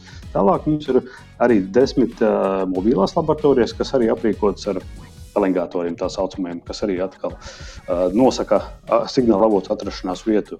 Ar to jau ar uh, mobilo laboratoriju nosaka precīzāk jau konkrēti, piemēram, māja vai, vai es nezinu, tur kaut kāds objekts. Un tad jau inženieri kā pārā ņem rokās portatīvās iekārtas, tā teikt, iet tūciņā ja, un iet iekšā, piemēram, ēkā un atrod jau dzīvokli, telpu un konkrēto iekārtu tajā telpā, kura, kura viņus, viņus interesē tajā brīdī. Tā iekārta, ko jūs ņemat rokās, tas varbūt ir tas SAFA ražotais spektra analizators kā viena no ierīcēm? Nu, visbie, visbiežāk nē, tos, tos tie mums arī ir. Jā, tos mēs izmantojam gan vairāk gigahertzu diapazonā strādājošo iekārtu. Radiolinkiem visādiem, jā? Jā, radiolinkiem gan uzraudzībai, gan arī, teiksim, ja kaut kādi traucējumi gadījumi parādās tādai tehniskai izpētē. Bet uh, tur ir citi specializētie mērustvērēji, portīvie spektra analizatori, ļoti foršas ierīces. Labi. Var, var, redzēt, var redzēt ļoti labi signālu signālā, kur pārklājas, un, un tādas diezgan mūsdienīgas iekārtas mums ir. Un, un, labi, un tad jūs atrodat, piemēram, ka tur dzīvoklī numur 53C kaut kas nav riktīgs. Kas, kas notiek tālāk? Uh, nu, tālāk, tālāk notiek jā, tāda sava veida izmeklēšana, jāveic. Jā, tad, um, kam pieder, jā, kurš tur, kur tur lietotājs, uz kāda, uz kāda pamata izmanto to, tās iekārtas. Uh, nu, tāda komunikācija jābūt. Ja? Tad arī kaut kāds savs skills jābūt inženieriem, um, nu, arī komunicēt ar, visā, visādi veidi cilvēkiem. Un, un tālāk jau jā, nu, notiek tad, nu, pamatā jau notiek jā, skaidrojušais darbs, ja? ka ir problēma. Tad, tā, tāda un tāda. Um, un skatās, kāds risinājums varētu būt tajā brīdī. Ja? Nu, visvienkāršākais risinājums, protams, ir izslēgt slēdzīti. Off. Izslēdz un, un, un cauri. Ja? Teic, uh, Varbūt, eh, varbūt arī kaut kāda ļaunprātīga rīcība, ja, kad, kad nevar noskaidrot uzreiz, kam tas pieder, kurš tur lieto. Nu, tad jā, tam nedaudz vairāk laika jāpatērē. Bet, jebkurā gadījumā, ir procedūras, kā mēs nonākam līdz atbildīgajam. Un uh, ir arī iespējas attiecīgi mums uh, nu, rīkoties, lai, lai pārtrauktu tās iekārtas darbību, ja tas ir kritiski, ja tas ietekmē Uh, nu, tur tāda, tā satiksmes cil, un, un, un cilvēku drošību, veselību ja, un tam līdzīgi. Tad ir, ir iespējas rīkoties nekavējoties. Tātad, ja es pareizi saprotu, tad jūs sākat ar brīdinājumu, skaidrojošo darbu, uh, un, ja tas nedarbojas, tad arī var sodi, naudas sodi būt arī. Ja? Jā, nu, tā, tā principā varētu būt, jo, jo, jo, jo mūsu, nav mērķis, nav, mūsu mērķis nav sodīt par katru cenu.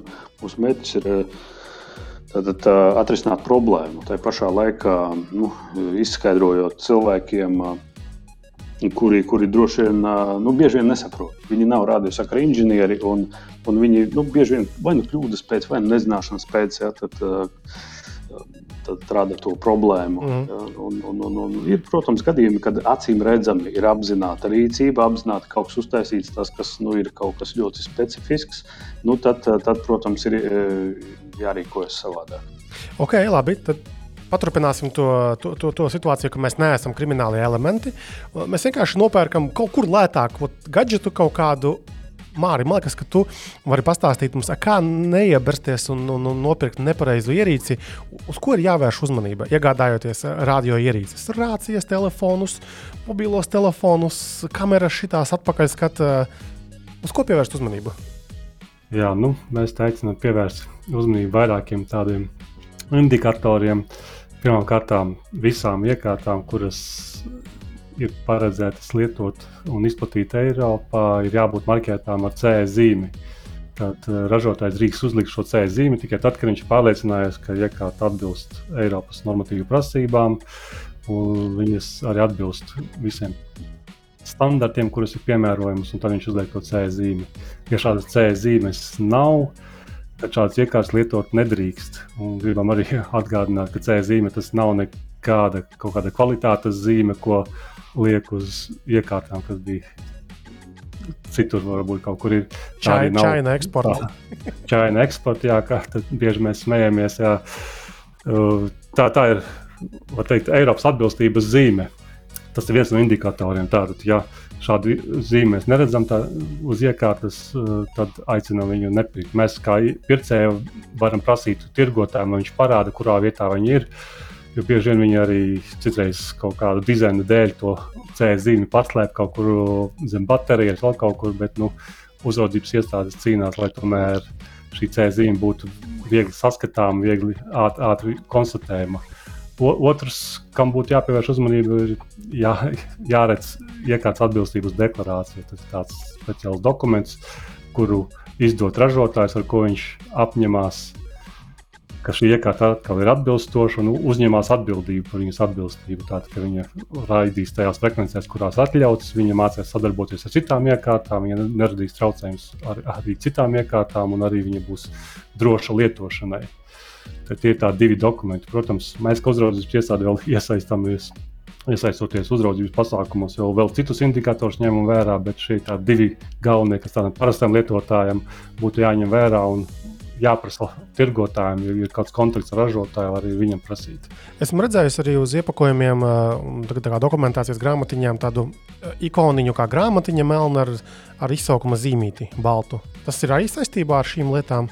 Jā, tas arī tāds speciāls indikators, ar ko apzīmē, vai iekārta ir kāda lietošanas ierobežojuma. Tātad, ja šādu zīmi mēs redzam uz iekārtas iepakojuma, tad jāpievērš uzmanība, vai lietošanas ierobežojumi nav attiecināmi arī uz Latviju. Uz Latviju tas norāda, ja šai grāmatai blakus ir arī LV abreviatūra. Vai ir kaut kāds reģions, kurā iezīmēt arī piemēram, Latvijas kontūrs, tad uzreiz aicinām šķirt vaļā lietošanas instrukciju un meklēt, kādi varētu būt tie lietošanas ierobežojumi. Tie var būt dažni dažādākie. Nu, uzskaitīšu tos biežākos. Viens ir, ka iekārta drīkst lietot tikai telpās. Tādu zīmi jūs praktiski redzēsiet uz visām mobiliem tālruņiem un Wi-Fi iekārtām, jo ir tāds viens diapazons, kuru drīkst lietot tikai telpās, 5,2 GHz.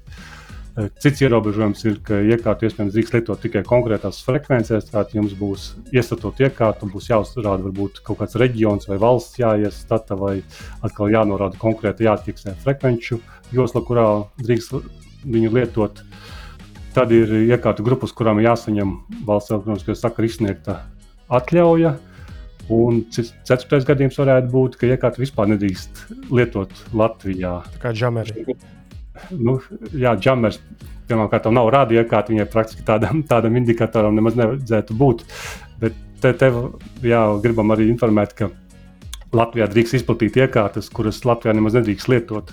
Tad Eiropas noteikumi ir tādi, ka, ja šo iekārtu drīkst lietot vismaz vienā Eiropas Savienības valstī, tad viņi var izplatīt visā Eiropas Savienībā. Bet tikai jābūt tam indikatoram un paskaidrojumam, kādi, kāpēc viņi nedrīkst lietot, un kādi lietošanas ierobežojumi mūsdienās visu vilto, vai ir gadījumi, kad mēģina uzdot par CE certificētām ierīces, kas tādas nemaz nav?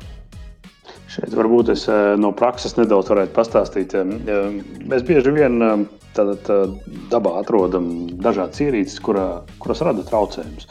Un tad, tad mūsu inženieri nu, apskatās būtībā, kas tās ir pa ierīcēm. Un, uh, Un uh, var redzēt, ka it kā kaut kāds marķējums tur ir, jā, bet, bet tad, kad sāk pētīt, um, pētīt dziļāk, saprotu, ka nekādas dokumentācijas nav, nekādas atbilstības deklarācijas nav.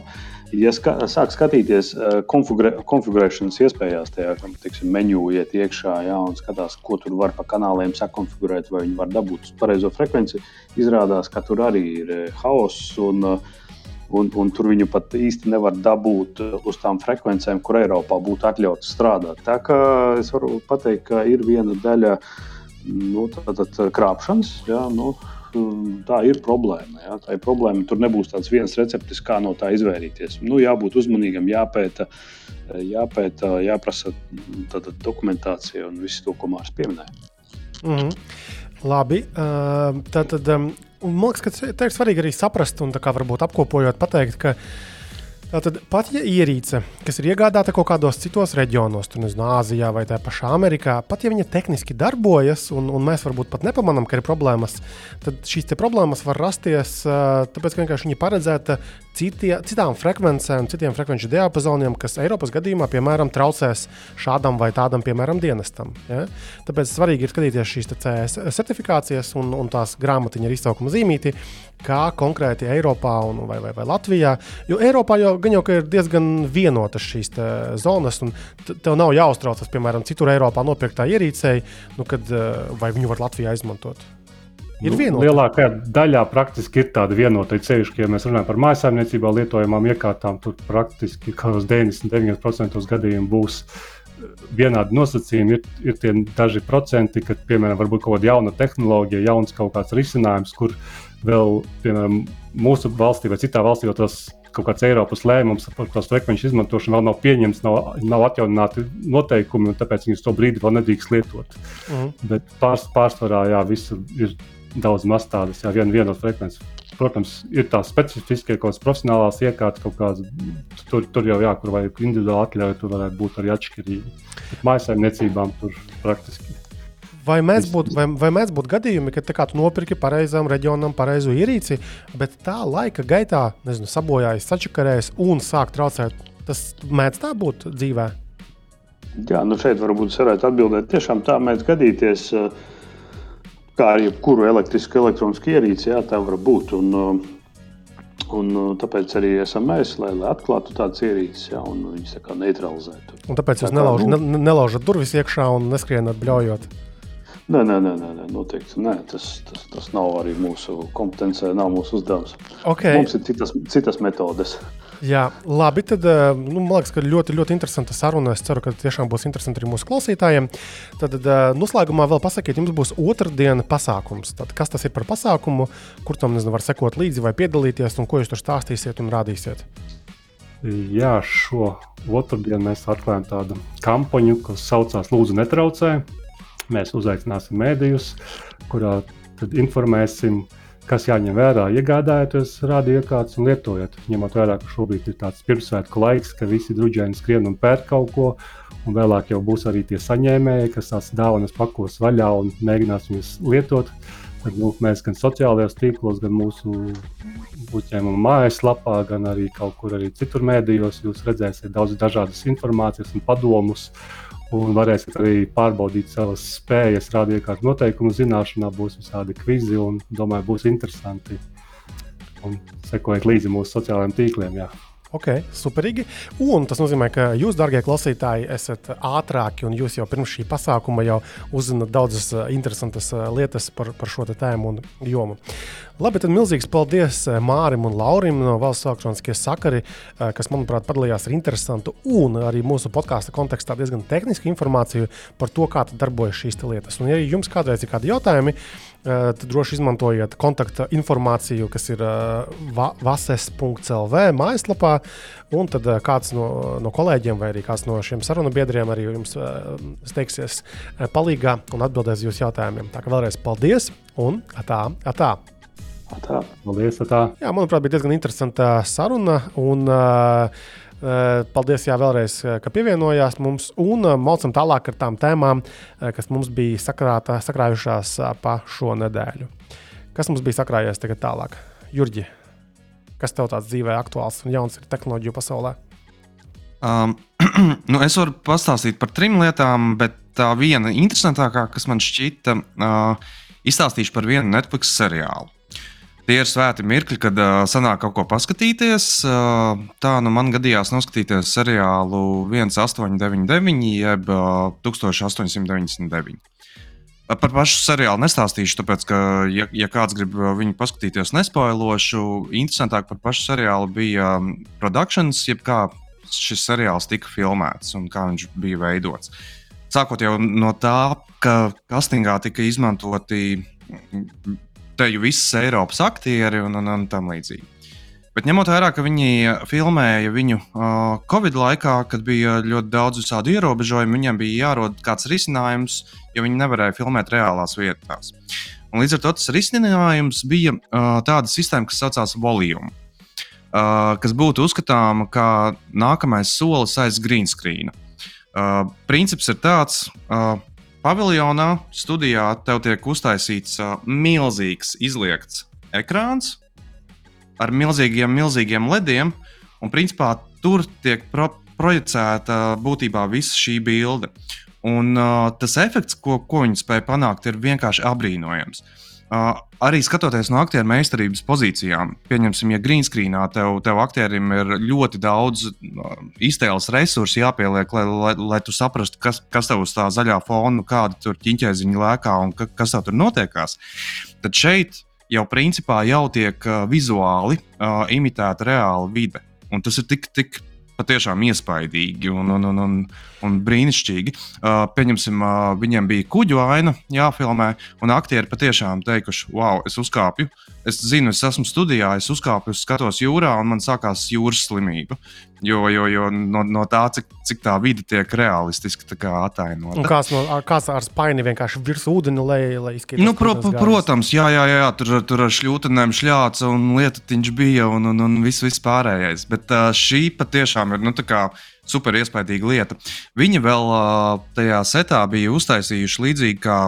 Uh, atsevišķos teātros, kur ir ro rotors skatuvē, uh, lai viņi daudz ātrāk varētu nom nomainīt uh, pozīcijas. Nomainīt vienkārši projekciju, pagriezties, tev ir cits leņķis un, un, un, un tam līdzīgi. Un tas, Uh, un, kā teica režisors, uh, filmēšanas grupa nesot bijusi apmierināta ar, ar tempiem, kā, kā, kā tu vari nomainīt setu, jo džeki nesot paspējuši aiziet uzpīpēt pa vidu.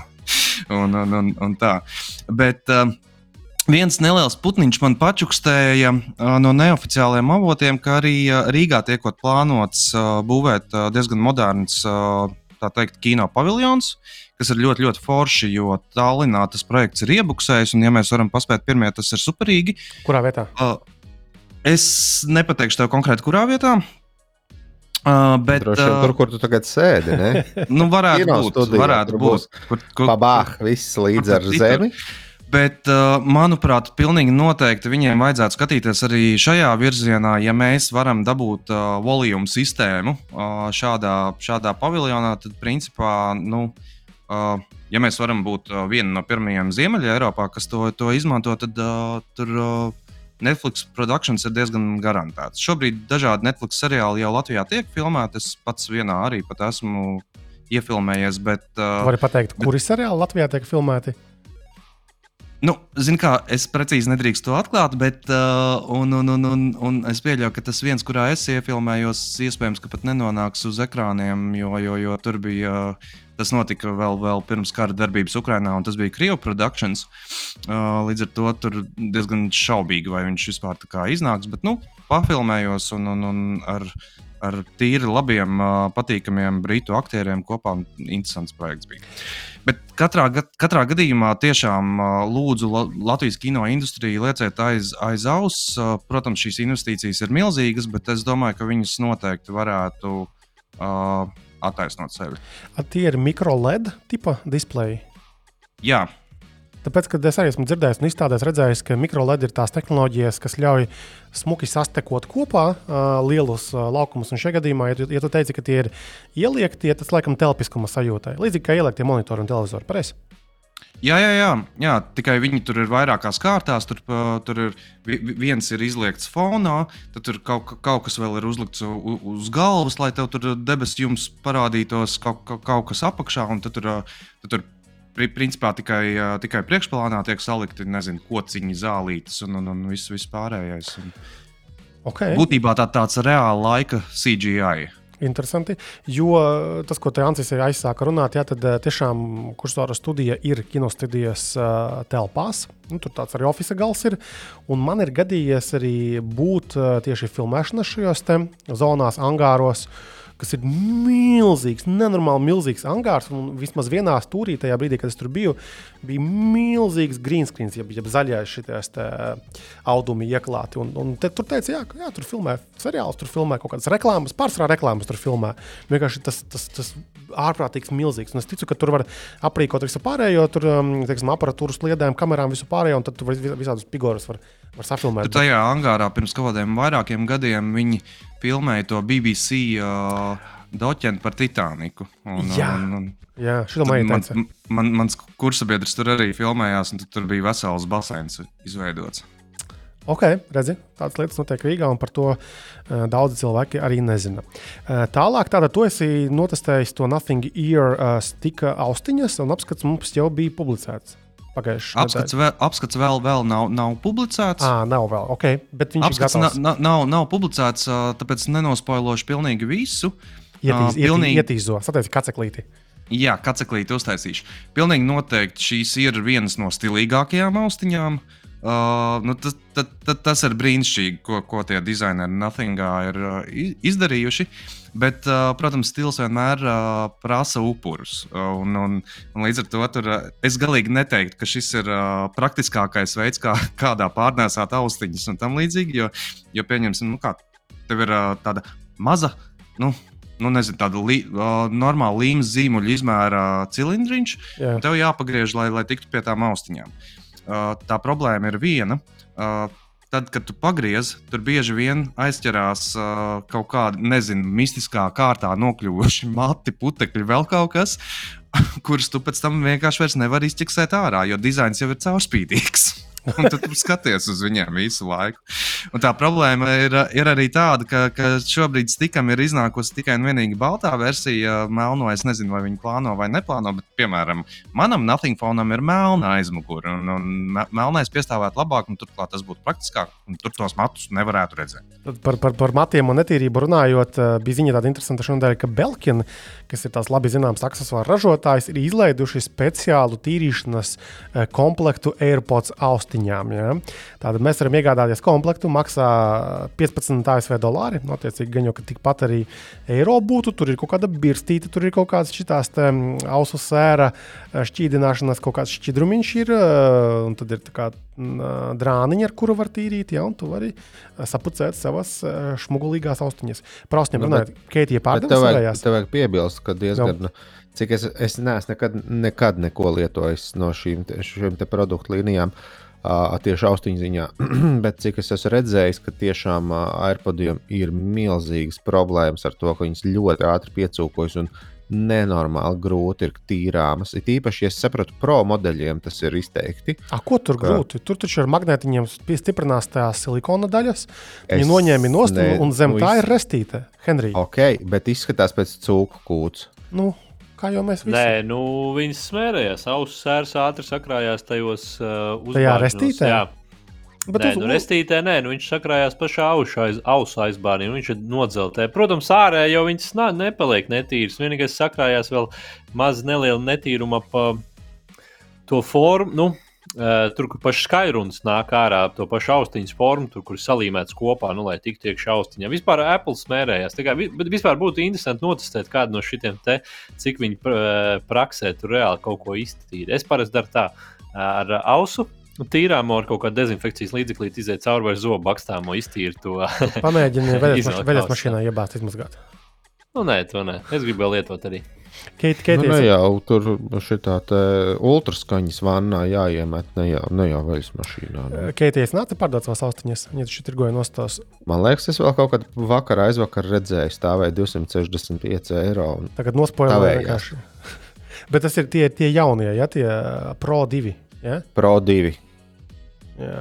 Man sanāca Apple Watch pārdot sesto. Uh, tepat ģimenē palika pie Māra Gaugera un, un Aura ringu nopirka lietotāju. Es saprotu, ka es neesmu pietiekami kustīgs un sportisks, un es neko ar tiem datiem neiesāku. Vienkārši, kā par tiem gadgetiem ir prieks, ka viņi, kad viņi ir pārdoti. Ja? Tāpat arī processors beidzot aizgāja. Juhu, lai jauniem īpašniekam uh, kalpo godam, bet tas bija reāls izaicinājums. Tas Intels pareizs. Pamatā jau tas, ka tās mātenes nav un viņas, ja jāpērk, tad dārgas vēl joprojām.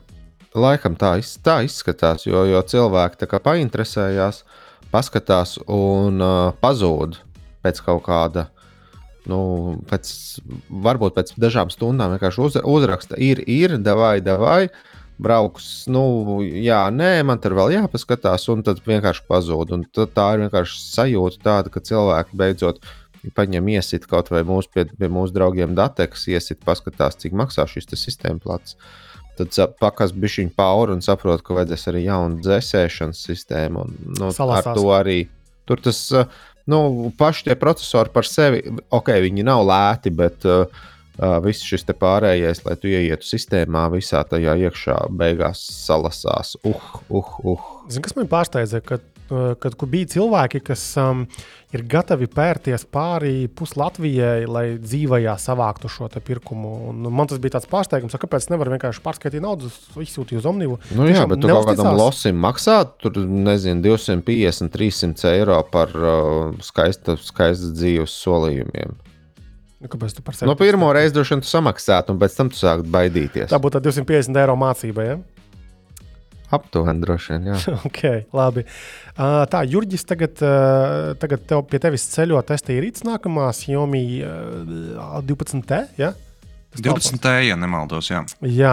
un tātad, kamēr tu vēl tapināsi šo apskatu, es domāju, ka mēs paspēsim izpublicēt decembrī, decembrī pirmajā pusē arī tādu gadu apkopojošo rakstu. Tu taisīji jau vairākus gadus, un varbūt arī iekacini, kas tev tur būs šajā rakstā un kāda tā būtība šim rakstam. Um. Ir. Raksta būtība ir nemainīga kā pārējos gados. No sākuma nedaudz apkopot gada tendences. Tendences, jāteic, ir stipri līdzīgas pagājušajam gadam. Atkal tā, tāpat ir ar piegāžu problēmas, ir, ir, ir dažādas lietas, procesoru jauda ir, ir apsteigusi dzēsēšanas spējas un, un, un, un tam līdzīgi. Un pašā beigās tiek tiek izveidots, kā es to nosaucu, subjektīvākais tops pasaulē, uh, kur, kur tiek sarindoti pa klasēm uh, visa gada laikā testētie vietāluņi, uh, budžeta vidējā un flagmaņa klase. Un varu pateikt uzreiz, pārsteigumi ir, pārsteigumi ir patīkami.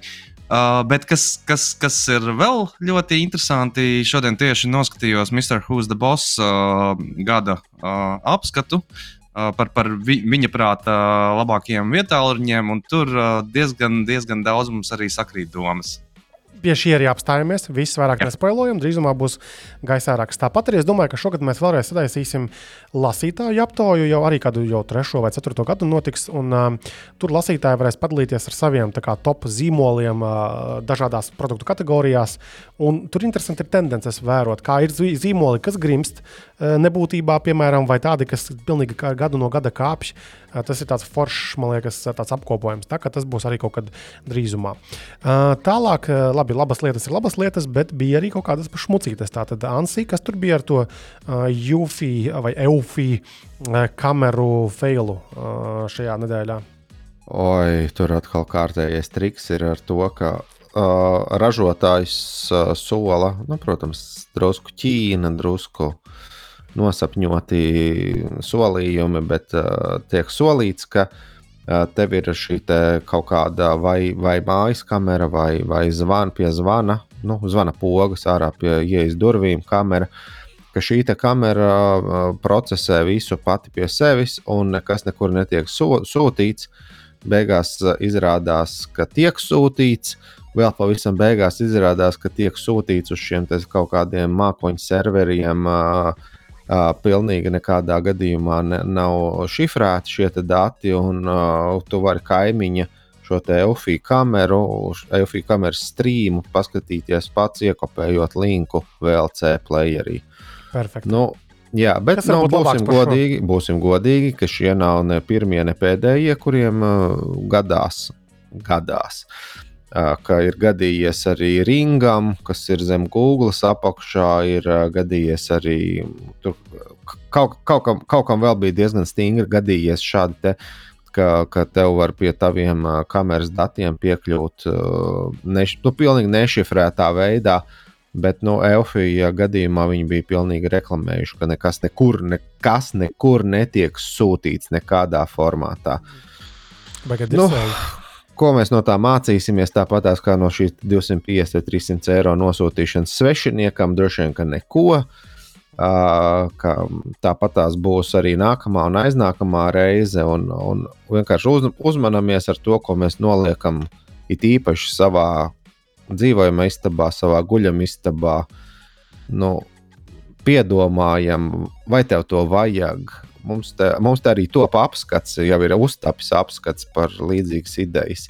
Arī ne tā paša eiropeiskākā vai amerikāniskākā ražotāja Runāju par to akaru. Jā, es runāju par akaru, bet nu, tas, tas tomēr ir tāds aparāts, kas tev ir jā, jātur tuvumā rūterim, uh, kas tomēr droši vien būs tavā dzīvojamā istabā, varbūt ne gluži guļamā istabā, bet arī tur ir kamera iekšā un uh, šim, šajā te, nu, vārtējā habiņā, lai mm. viedo māju uz, uzkruķītu. Un, nu, Nu, es nezinu, ja tu, ja tu esi cilvēks, kas līmē ciet laptopam uh, šo atstiņu, kameras atstiņu, nu, davai, davai nepērt šādas lietas, jo šmuces būs daudz un ilgi, kamēr šitos te neizķers uh, kaut vai Eiropa. Uh, ne, ne, nesodīs visus pēc kārtas, šmuces būs. Un, nu, tas nav jautājums, vai tas ir droši vien jautājums, kad. Mm -hmm. Par šmucēm runājot, uh, LastPass uh, paroļu menedžers ir atkal uzlausts. Jau otro reizi pēdējā pusgada laikā. Tātad LastPass ir liekas, viens no tādiem zināmākajiem paroļu menedžeriem. Jā, es, es arī viņu ļoti ilgi izmantoju, līdz viņi tur ieviesa to, ka vai nu telefonā, nu nemaksājošiem klientiem, jā, jā. protams, vai nu telefonā, vai datorā. Un tad mēs pārsviedāmies, man liekas, vairums no mums, vai vismaz puse no mums uz Bitvārdenu Vai mm -hmm. ne Kristap, pamāja ar galvu? Jā, jā, es, nezinu, es, par ko es, mēs es, runājam. Es, es izmantoju jā. noteiktām lietām un vietām. Šo, kaut kad šajā nedēļā es, liekas, iestatījumos ieliku to, tāda, tāda funkcija, kas notiek, ja nu, tu esi kaput, viss nav. Ka tur var nodot pieeju šim kontam cilvēkam, ko tu izvēlēsies. Ja? Tā sakārtojam šīs lietas. Man liekas, arī Facebookā ir iespēja sataisīt, kurš ir tas konts. Nu, parasti jau tur laulātais draugs vai, vai kāds nezinu, vecāki, kuriem tu vari tālāk, viņš var pārņemt to kontu, lai ieliktu tur to svecītes bildi vai ko nu, tur parasti liek šādos gadījumos.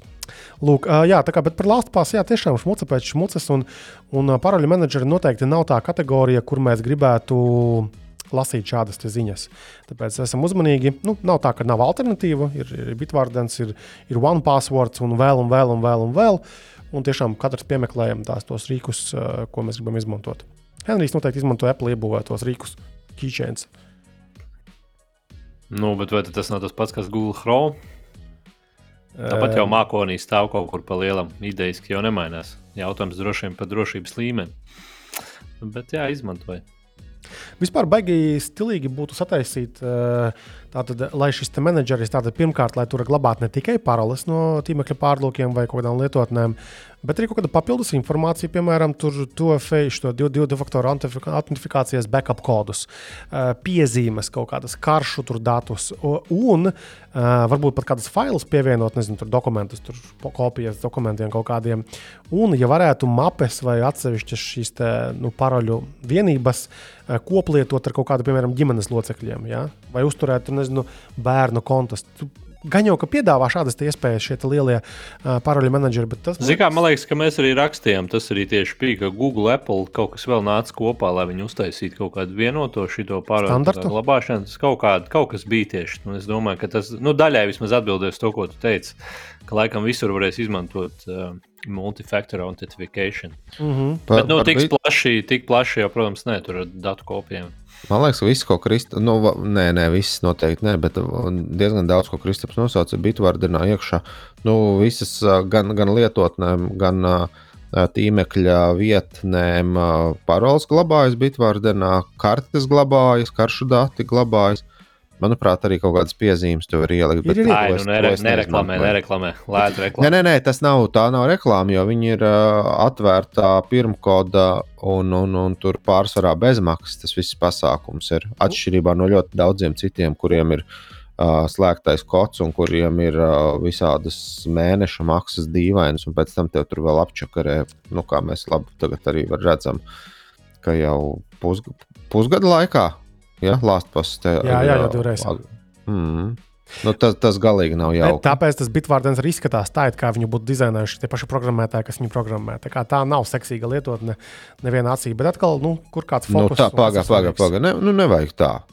Nu, tā vienkārši nevajag. Ja tu uzliec uh, savam Chromei vai Eģam šo te uh, pluginu, ja tu uzliec vietā runī lietotni, nu, ne, pilnīgi nekādas vainas. Mēs ar Henriju lietojam Safari, ja? nevajag. Tur ar tiem pluginiem ir kā. Laikam ir iespēja, bet es neko neesmu nekad uzlicis uz Safari. Nē, es Safari nelietoju, es reti lietoju. Jā. Viss izmazgāt tev vajag acis un rokas un muti ar uh, sāls ūdeni. WhatsApp tad mēs stāstījām pirms nedēļas vai divām, pa, ka ir aptauju iespēja parādījusies, kas ir perfekti tagad ar Ziemassvētku laiku, kad visi dārziņos un skolās var uh, balsot par dāvanām, kuras viņiem negrib pirkt. Uh, tad tu parādījās jauna feature, ka var sūtīt ziņu pats sev. Kurš patestēja kāds no jums šo vai ne? Neizdevās vēl, nē.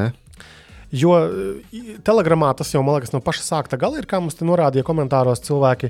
Bet tā doma ir tāda, ka kaut ko ātri, kaut kādu piezīmi vai kaut kādu bildi, failu atmest kaut kādu, tad WhatsAppā tagad tu vari, nu, kā atsevišķam kontaktam sev aizsūtīt šo ziņu, un, un tad kā tik, tu to redzēsi. Es gan nevaru saprast, a, kāpēc neizmanto kaut kādu no tām piezīmju lietotnēm, par kurām mēs tam, liekas, pirms raidījuma vai diviem runājām. Tur Evernote, Google Keep vai Note Tu taču viss ir, kam tev Vācijā sūtīt sev. Lai pēc tam var tā kā uh, forwardēt citiem, varbūt tāda tā doma lielā ir bijusi. Nezinu. Jūs izmantojat Vācijā sūtīt sev ziņas? Nu, kādreiz jau e-pastā pats sev sūtīja kaut kādus atgādinājumus. Skolas dokumentus, skolas dokumentus pirms mākoņu servisu ērā. Jā. Jo flashkas jau ir neusticamas. Oi, es, es, es šito iemācījos pat rako, man es savu kursu darbu gandrīz pazaudēju, tāpēc, ka man uh, klēpjdatoram sajuka prātā. Es, do, es neatceros, vairs, kas tur bija, bet laikam man liekas, mācīts plats, sistēma plats sajuka prātā un, un nokāva arī cieto disku pie, pie reizes. Tur bija wow. Bet man, man bija šoreiz sagad, sagad, saglabāts flashkā, jo es nesu atrādīt. Un, tā, nu, kā, kā tas ir kā, kā, kā saka lielais Normons, ka bērni taisiet backupus, bērni mācieties fiziku, kaut kas uz to puses bērni. Taisiet backupus. Jūs, jūs negribat iemācīties to, kā angļuiski saka, the hard way. Par backupiem runājot, es katru gadu ap, ap Ziemassvētkiem, īsi pirms Ziemassvētkiem, man uznāk nevaldāma vēlme kaut ko urķēties ar kursora serveru lietām un visām šīm lietām. Tad, tad jums nākas dažkārt ciest. Tātad es izlēmu sataisīt bišķiņu citādāk to mūsu backup sistēmu, tur datubāzes backups, šo virtuālo serveru backups. Un tagad esmu ieviesis arī offsite backup, respektīvi ārpus DigitalOcean, kur mums griežas pamata lietas. Un es testēju visu nedēļu šos te nu, object storage S3 veidīgos, gan AVS, jeb Amazon Web Services. Tur es secināju, ka it kā jā, par, par vietu tur baigi daudz nav jāiesprings, bet tā kā tur ir jāmaksā par šīm darbībām, tā tad nu, paraustīja failiņu kaut kādu, va to viena darbība, paraustīja vēl failiņu, kur vēl to darbība. Un uh, līki veidojot backupus, tur arī diezgan dārgi tas viss pasākums izmaksāt. Bet tad man norādīja uz vairākiem citiem servisiem, un tagad es teiksim, testēju Backblaze B2, kas ir arī S3 compliance, kas saprotu šis storage, un tur tad backupi mums arī uh, tagad dzīvosies. Jo Backblaze ir tāds interesants servis, uh, tātad viņi man liekas, kā, kā, kā tur bija. Tad, uh, vienu momentu viņi super populāri bija, tāpēc, ka viņi piedāvāja vai nu bezmaksas, vai kaut kādu super lētu uh, backupu ar neierobežotu vietu, vai ar ļoti daudz vietu, un tad cilvēki varēja pilnībā kompjus uh, backupot, un tad, principā, tev nav jāuztraucas par šādām problēmām. Tātad backblaze, jeb batskablaze.com papētiet, joprojām foršs servis. Un savulaik viņi arī šo atmiņu storage taisīja uz HDD diskiem, tātad tiem, kur griezās un sīca un rūca, un tad viņiem bija tādi regulāri, nezinu, ikgadēji vai ik pusgadēji apkopojumi ar informāciju, kurā viņi tā arī saka, ot, no, nezinu, tur, piemēram, simts šitādiem sīgiem diskiem nosprāga tur pusgada laikā šī tika. Un tad tajos laikos, kad bija aktuāli iegādāties HDD diskus pamatā PC datoriem, tad uh, tas bija noderīgs tāds resurss no šīm lietām. Un vēl viena lieta, ko mēs, te, mēs arī pamainījām, teiksim, statiskiem imidžiem, jeb, jeb bildēm, teiksim, kursora uh, uz citu, uh, tad arī storage, turpat DigitalOcean ietvaros, spaces pamēģināsim un piešķīlām klāt arī CDN, respektīvi Content Delivery Network, laikam saucās tā, ka tie cilvēki, kas mūs vērs tagad vaļā no nezinu, Lielbritānijas, Vācijas, jebkuras citas vietas pasaulē, tur būtu jums ātrāk jāatvarās, jo tā bildīte nevilksies no tā Frankfurtas datu centra, kur bija pirms tam. Tas vismaz man bija ļoti interesanti uh, migrēt, testēt. Tur viss līdz galam vēl nav sataisīts, uh, vēl ir iespējas sagraut kaut kādas lietas. Un vēl gribētos nomigrēt arī datubāzi uz to DigitalOcean managed servisu. paskatīsimies, kā tas sanāks. Tā, ja kaut kādā brīdī uh, kursors nav pieejams, ziniet, ka man nesanāca.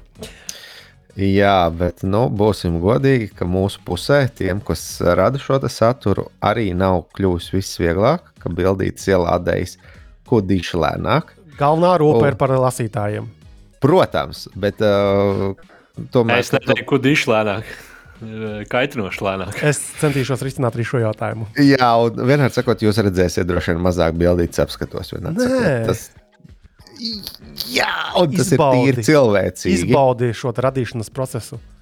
Nu, laicīgāk jāielādē. Nu, tas ir paklautu savai sievai. To var pateikt pie trešā, kad nu, tad, kad dzemdē 36 stundu izbaudi procesu, dārgā.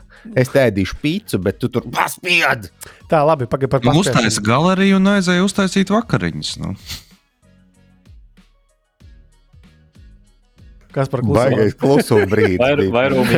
Vairāk iedzer. Pagaidiet, Anci, paspied drusku vēl par WhatsApp. Kas tev tur bija atzīmēta? Vēl viena ziņa, kas man liekas ir noderīgāka par to, ko es stāstīju. O, jā, WhatsApp, WhatsApp bet tas uh, testētājiem, cik izskatās, ir uh, beidzot iespēja pievienot vēl vienu ierīci, kas droši vien būs uh, nu, šis te planšetdators visticamāk, jo no nu, klēpdatorā jau tu tāpat tās varēji tur tikt smuki klāt. Uh, Un, uh, kā tas strādās, vēl nezinu, jo es kādu laiku, diezgan sen pirms gadiem, atteicos no WhatsApp betas, jo tur bija savas problēmas. Parasti nestrādāja ik pa laikam. Bet nu, kaut, kaut, kas, kaut, kas, kaut kas gatavojās, kaut kas būs, un nu, visticamāk, varēs bez uh, simtkartes ievietošanas uh, planšetdatorā izmantot WhatsApp uz vēl vienas ierīces. Uh, Tika jau kād, kādreiz tika solīts, ka tur būs trīs vai piecas ierīces, es neatceros. Bet ir jau četras tagad. Tur jau bija šī konteksts nav citādāks. Es saprotu, ka šis ir, ka tu noskanē QR kodu. Jā, nu, jā kompī. un tev Man ir vismaz nu, divos kompjos un teledatorā. Fui. Jā, jā, bet uh, planšetdatorā jau tu to nevarēji izpildīt īsti. iPadam vispār nav WhatsApp, nekomentēšu šo jautājumu. Jā. Viņam pat no weba neiet. Nu, kā tas būs, es nezinu. So, solīts tiek, un it kā būšot, bet šobrīd tikai beta testētājiem. Un, vairāk es nezinu. Es neesmu pats pamēģinājis. Bet vai iPadam beidzot ir weather aplikācija? Tagad laika apstākļus tu vari redzēt. Bet nav kalkulatora bet... aplikācijas. Pareizi joprojām. Un WhatsApp eh, kalkulators nav, un WhatsApp arī nevar palaist pat no weba. Nekas. Oh, tas, pēc, pēc pieciem vispār. gadiem Apple izlaidīs arī šādu versiju. Oh, bet Apple tagad izlaida to Ocean Plus eh, lietotni eh, tam krūtajam savam watcham, Apple Watch Ultra.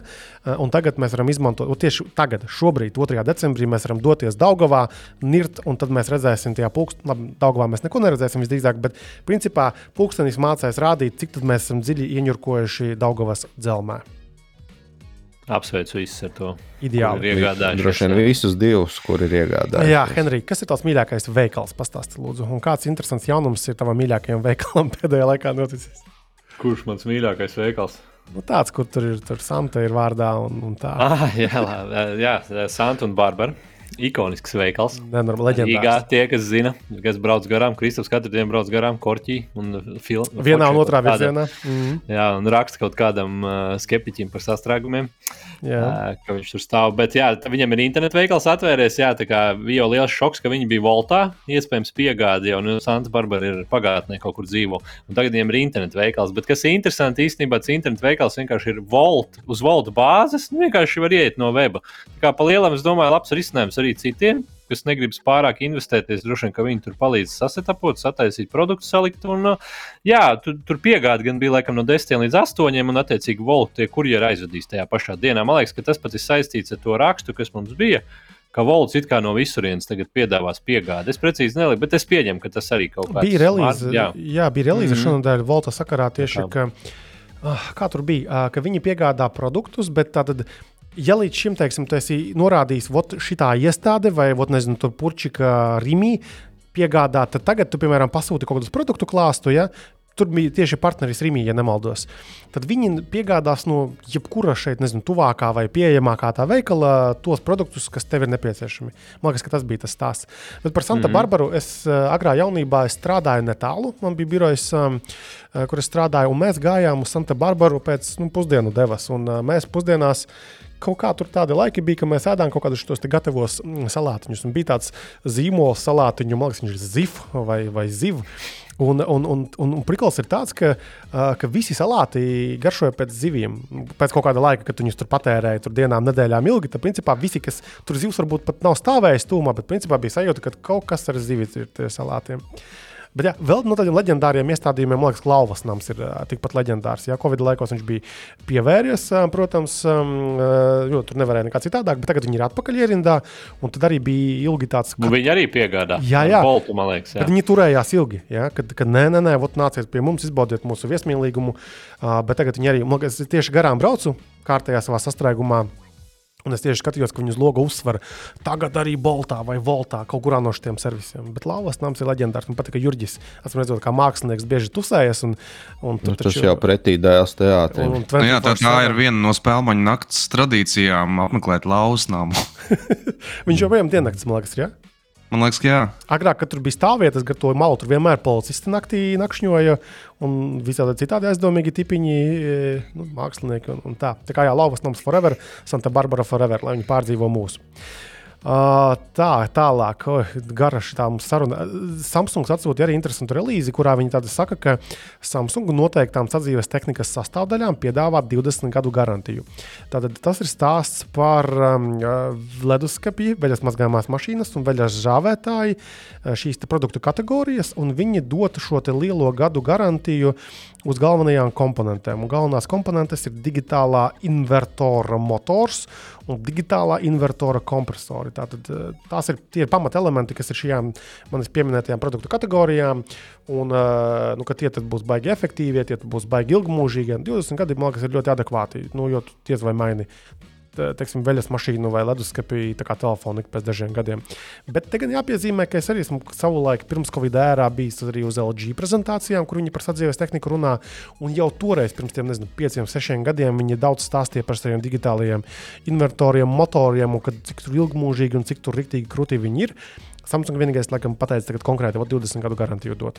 Bet tad, laikam, jāpērk tikai salīdzinoši jauni produkti. Uh, un uh, ej, nu, pēc tam pierādīja, vai skaties, kas tev tur nosprāga no tām visām ierīcēm. Bet nu, solis kā tāds jau ir labs.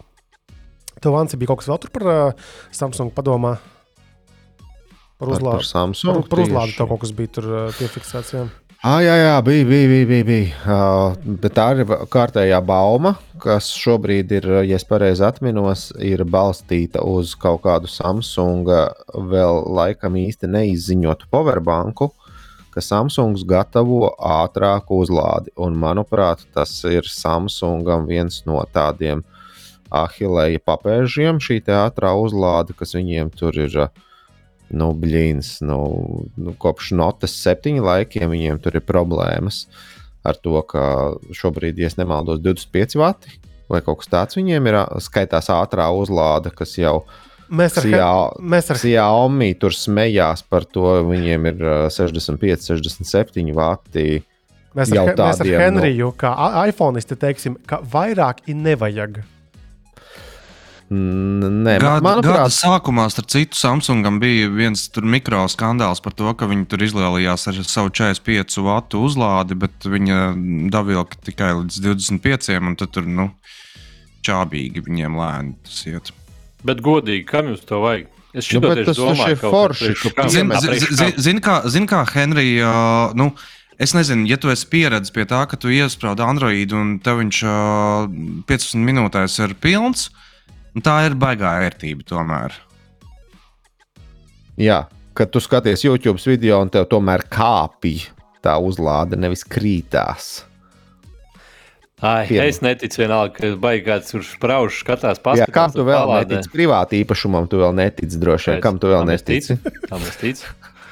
Jā, bet, uh, bet, bet, bet, bet nu, es par šo bieži domāju, kaut kādā pēdējās divas nedēļas. Es domāju, tas ir viss. Tas ir vienkārši, nu, zināmā Android. Viņi kaut kā Androidis kaifo par to. Normāls iPhone vispār par to pat neizdomājās. Tāpēc, ka normāls iPhone nav redzējis arī šādas modernas tehnoloģijas. Ja domāju, kāds nu, šoks būs normālam iPhone. Šādas modernas, piecgadīgas tehnoloģijas. Jā, kad, iPhone kad, kad iPhone pēc gada ieraudzīs USB-C, būs wow! Oh, Apple malači, ka. Protams. Jā, bet Huawei Nova 10. Ja? Tas telefons, kā, tur daudz bija skumju momentu ar šo telefonu. Divi skumji momenti bija ar šo telefonu, bet uzlāde nebija viens no šiem. Jo tur arī bija tā 76 vatu vai cik tur tā vatu uzlāde, un tas ir fenomenāli krūti. tas ir tāds normāls vidējais aritmētiskais mm. ap 60 vatiem. Ka tev, tev nav baigā ātri, tev nav jādomā par, nu, varbūt tur tas akumulators sāks sliktāk darboties. Tas ir kaut kāds tāds, manuprāt, zelta vidusceļš uzlādējis pietiekami ātri, bet ne, nekarst, un tev nav jālauz galva par kaut kādu ilgu mūžību. Nu, droši vien kaut kādā mērā ir, bet uh, pa lielam, nu, kurš tik ilgi to, to vietā spēj izturēt? Nu, mēs iPhone ilgi izturam diezgan, jā. Bet mums ir lēns lādes. Uh, vēl runājot par Apple, tad um, tas, kas noteikti, ka Sansim visvairāk varētu arī patikt, tad uh, Apple bija diezgan daudz visādu šajā nedēļā paziņojumu, ka tur top podkāsti, top aplikācijas, top mūzika kaut kāda. Mm, Spotify taču arī izziņoja šo year in review vai kā? Wrapped. Ah, wrapped, jā. Wrapped besīgi ilgas animācijas. Nu, tā kā rīktīgi, tu gribi redzēt, kas, kas tas ir, bet tur griežas visas tās krāsiņas, tās puķes, vizuālās, virtuālās, bez jārās. Ataisies, gribu uzreiz redzēt, ka tur, man liekas, bija populārākais, kas tur Eminems kaut kāds. Uh, jā, jā, bet, um, Kas bija no tām uh, Apple lietām, Henrij? Tu noteikti no galvas zini, kas ir aplikācijas, podkāsti populārākie. Mūsējais no, noteikti. Nu, mūsējais, diemžēl, no podkāstiem nav, jā, bet tā bišķiņa. Kaut kas jauns ir tas, ka Apple pirmo gadu populārāko podkāstu, nu, labāko podkāstu nominēja. Tā, tā, tā, kad mēs pievienojāmies. Ah. Tā kā, tā kā jā, jā, jā, šajā gadā pirmo reizi, un tas ir tāds slow burn. Uh, ja godīgi sakot, pirmo reizi dzirdēju, bet viņi tur runā par kaut, ko, pa kaut kādu tiesas prāvu Amerikā. Nu, droši vien, ka tāpēc varētu būt interesanti, ja zinātu Amerikas tiesas sistēmu. Es arī godīgi sakot, nepaklausījos, bet fakts kā tāds, ka, ka tagad izskatās, ka arī katru gadu iedos kaut ko, bet tur laikam tiešām bija viena nominācija. Tu nebija tur baigi izdarīt. Podkāsta no. nosaukums ir slow burn. Slow, slow burn, jā. Tu zini, ko tas nozīmē? No. Tas ir tas, ka tu norauj zobu, bet viņš pēc kāda laika sāk smirdēt. Goda vārds. Goda vārds. Kurš cits no mūsu kompānijas šādas lietas pateiktu, ja ne Ansis? E Es to salīdzinātu, nu, kā, ka tu nobrāzi kaut kādu brūcīti, un viņi tev zina, tur pēc ilgāka sulo, tāda maziņā, tā virspusējā. Es, es vēl tādu iespējams, bet, manuprāt, populārajā kultūrā tas ir tomēr Jur, saistīts ar veidu. Vai es varu turpināt, vai būs vēl kāds tāds? Es laikam jūs... pieslēdzos Anža versijai. Kuldīgā jūs šādi to saucat. Jā, jā nu, nebija, nebija dzirdēts, bet uh, es turpmāk lietošu Anža versiju. Nē, nē, tas ir pavisam oficiāli. Tas ir uh, normāls. Urban Dictionary, ja? jā, nu, viņi, tā slēms. komanda neizskatās tāda. Nu, bet, piemēram, kā Mērijam Webster Dictionary. Mēs uztaisīsim vienu sezonu, norauj zobu ko kursors tev neraksta, norauj zobu. Uh, Tur tas uzsvers uz to, ka tu norauj, un pēc tam tas uh, viss aromāts visu nedēļu dedzina un pamatīgi. Pakaļ pie tehnoloģijām, Henrij. Jā, tā tad ātri, tā tad ne bez pārsteigumiem Apple gada lietotne ir populārākā iPhone. Tur sadalīts pa kategorijām. iPhone ir bija real. Es joprojām neesmu lietojis, pārbaudījis, bet nu, es, es visiem jau droši vien skaidrs. Tas ir dīvaini. Tas ir kā, nu, jā, protams, ka eh, salīdzinoši jaunu un populāru lietotam, bet man kaut kā nav sajūta, ka viņam masās nenormāli aizgājis. Ir.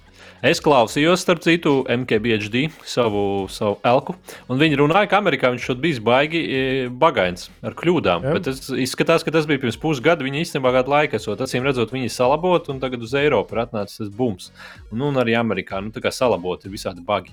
Varbūt tāpēc tur ir populāri. Bet salīdzinoši jauna auditorija pavalkās uz šitām lietām. Mēs varbūt vienkārši neesam tajā gadu kategorijā vairs. Jo, pieņemsim, man, man brāčka, jā, Tur bija rīls, tur bija rīls, un, un viņam draugi arī nu, lieto. Okay, jā, uh, nu, kā Apple ir runājis, jā, nu tad iPados ir GoodNotes 5, tā kaut kāda droši vien pierakstu lietotne. Jā, tas un, ir krūta, krūta lietotne. Un, un uz Mac uz datoriem Mac Family 310, tur 3, tas, tas 3 Mac Family 3 koks, jā.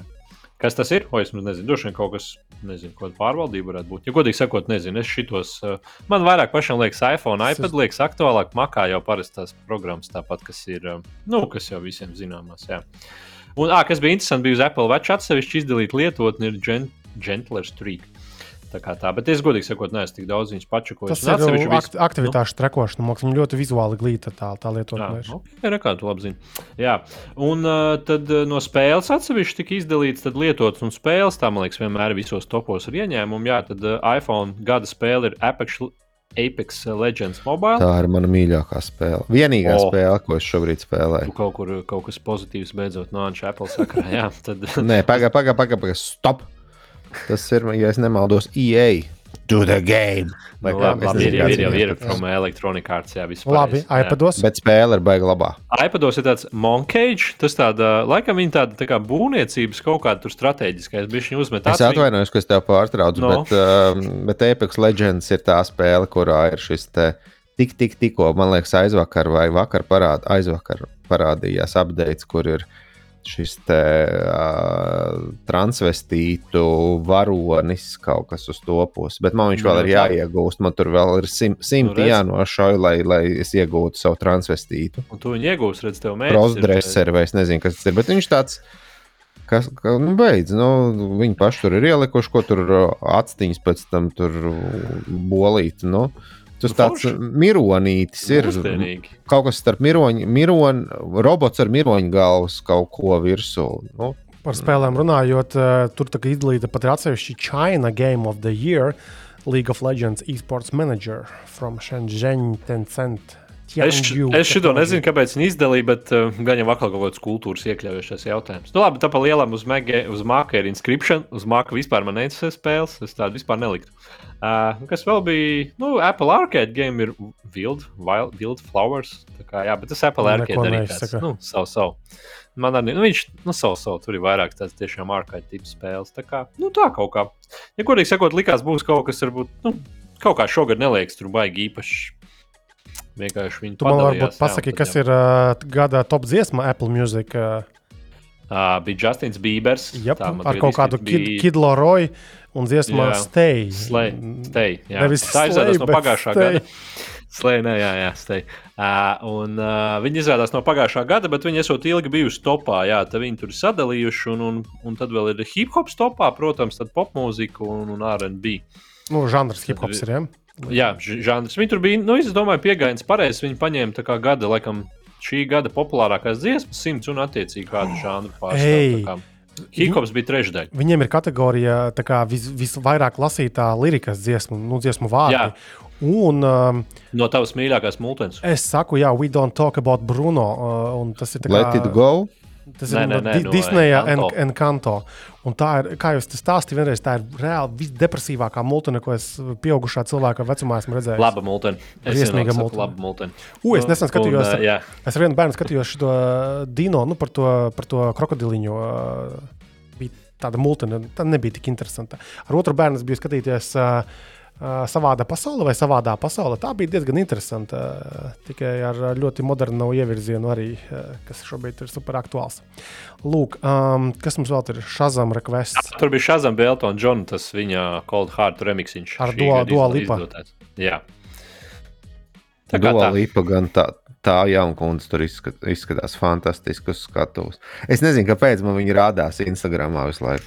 Nu, tad tev vajadzēja iet pozitīvus tās koncertus pagājušā gada, bet nu vairs neko. Nu, tur jau.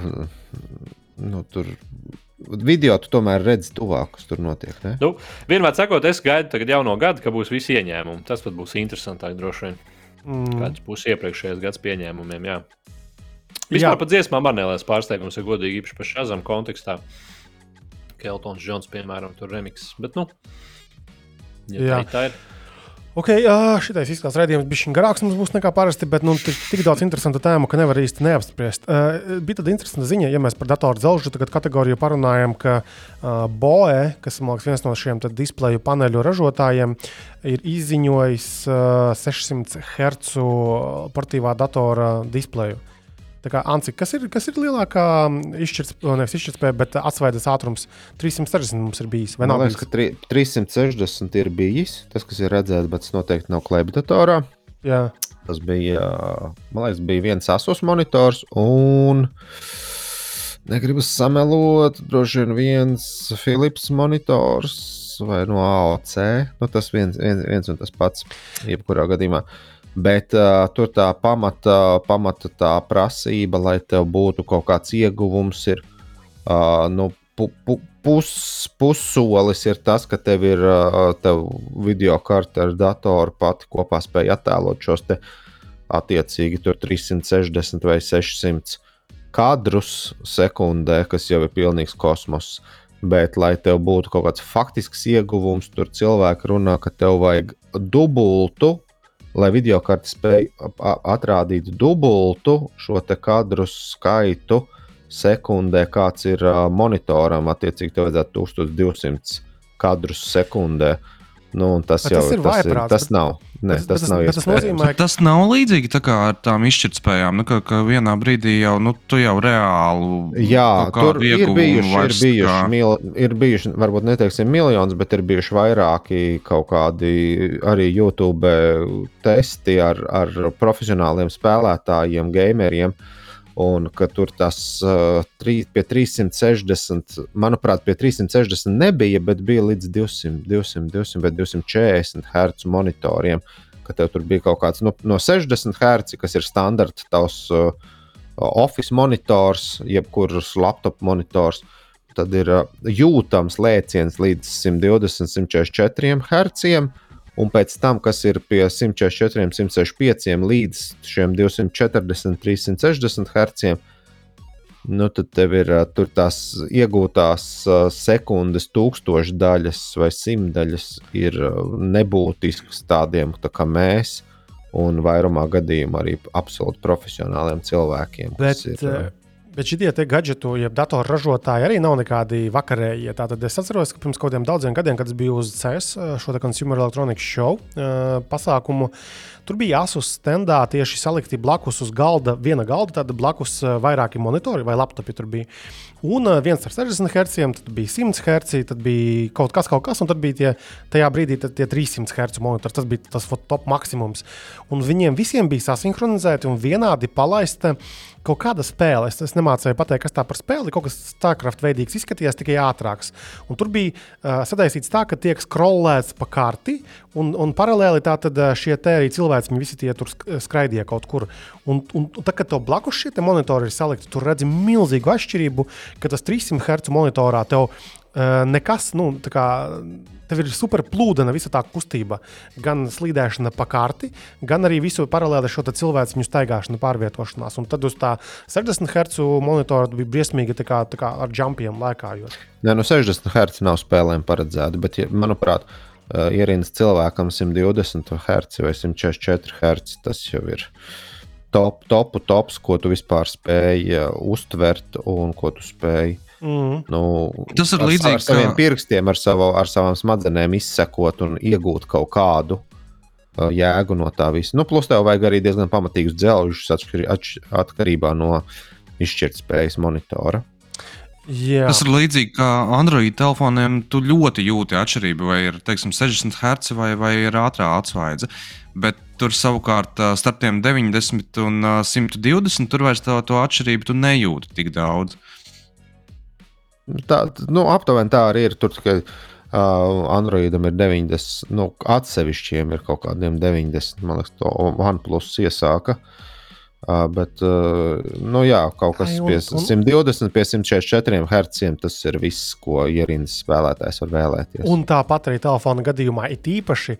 Nav jau tā, ka tie 120 Hz vai pat 90 Hz visu laiku tiek tirināti. Ja tas ir atsevišķās lietotnēs, atsevišķos režīmos, un tā, nekas nenotiek ar to telefonu, tad viņš arī viens katrs. Li, li, liela daļa vai... spēļu nemaz neatbalsta. Nu, vot, vot, vot.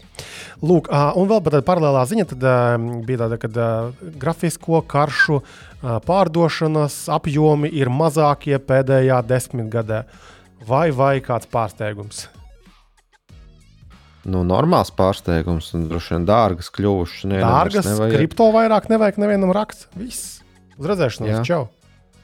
Es pat redzēju šodien ziņu, ka ir šie skal, tā saucamie skalperi, kas tur sapērkās tās kartes un mēģina pēc tam tālāk notirgot. Uh, ir sapirkušies jaunās Nvidijas 40, 80 vai 40, 90. Es precīzi neatceros kartes, un viņi vairs netiek no šīm kartēm vaļā, un ražotāji vairs neņem atpakaļ šīs kartes.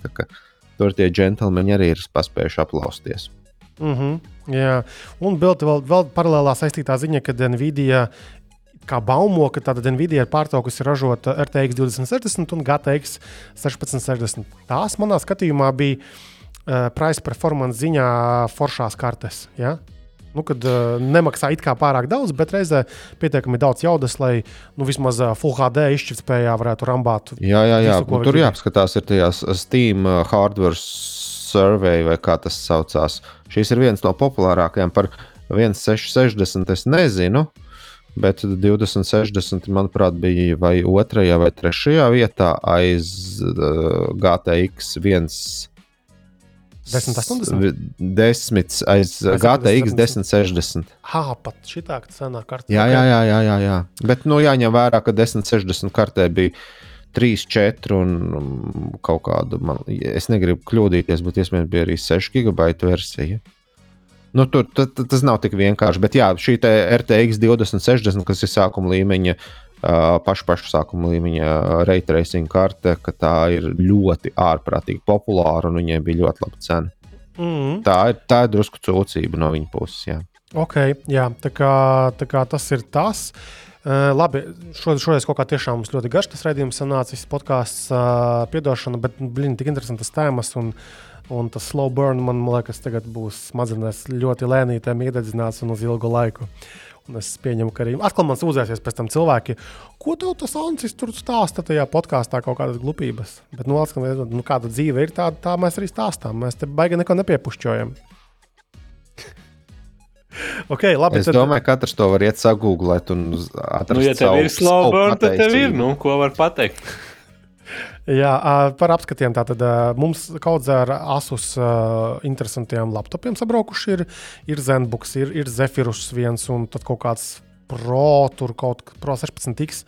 Tas ir kaut kāds gaming kompis vai tas? Man liekas, ka Pro 16X, ka tik nav tas ar to mm, ripiņu, to puļķīti, kas mm. ir pie, pie, piejaucējums klāt pie Adobe produktiem, bet um, es vēl neesmu ticis pie šiem datoriem. Es nevaru komentēt. Tev bija Logitech šis tas, kas tev tur sabraucis bija? Logitecham ir smuka, smuka G Pro X vai kaut kas uz to. Uh, un šī šāda paša līdzīga nosaukuma projekts bija tastatūra un, un superlight, tāda Logitech Pro superlight. Jā, jā, pareizi, bija vēl superlights tajā nosaukumā iekšā. Tā ir fantastiska pele, mm -hmm. protams, arī ārprātīgi dārga.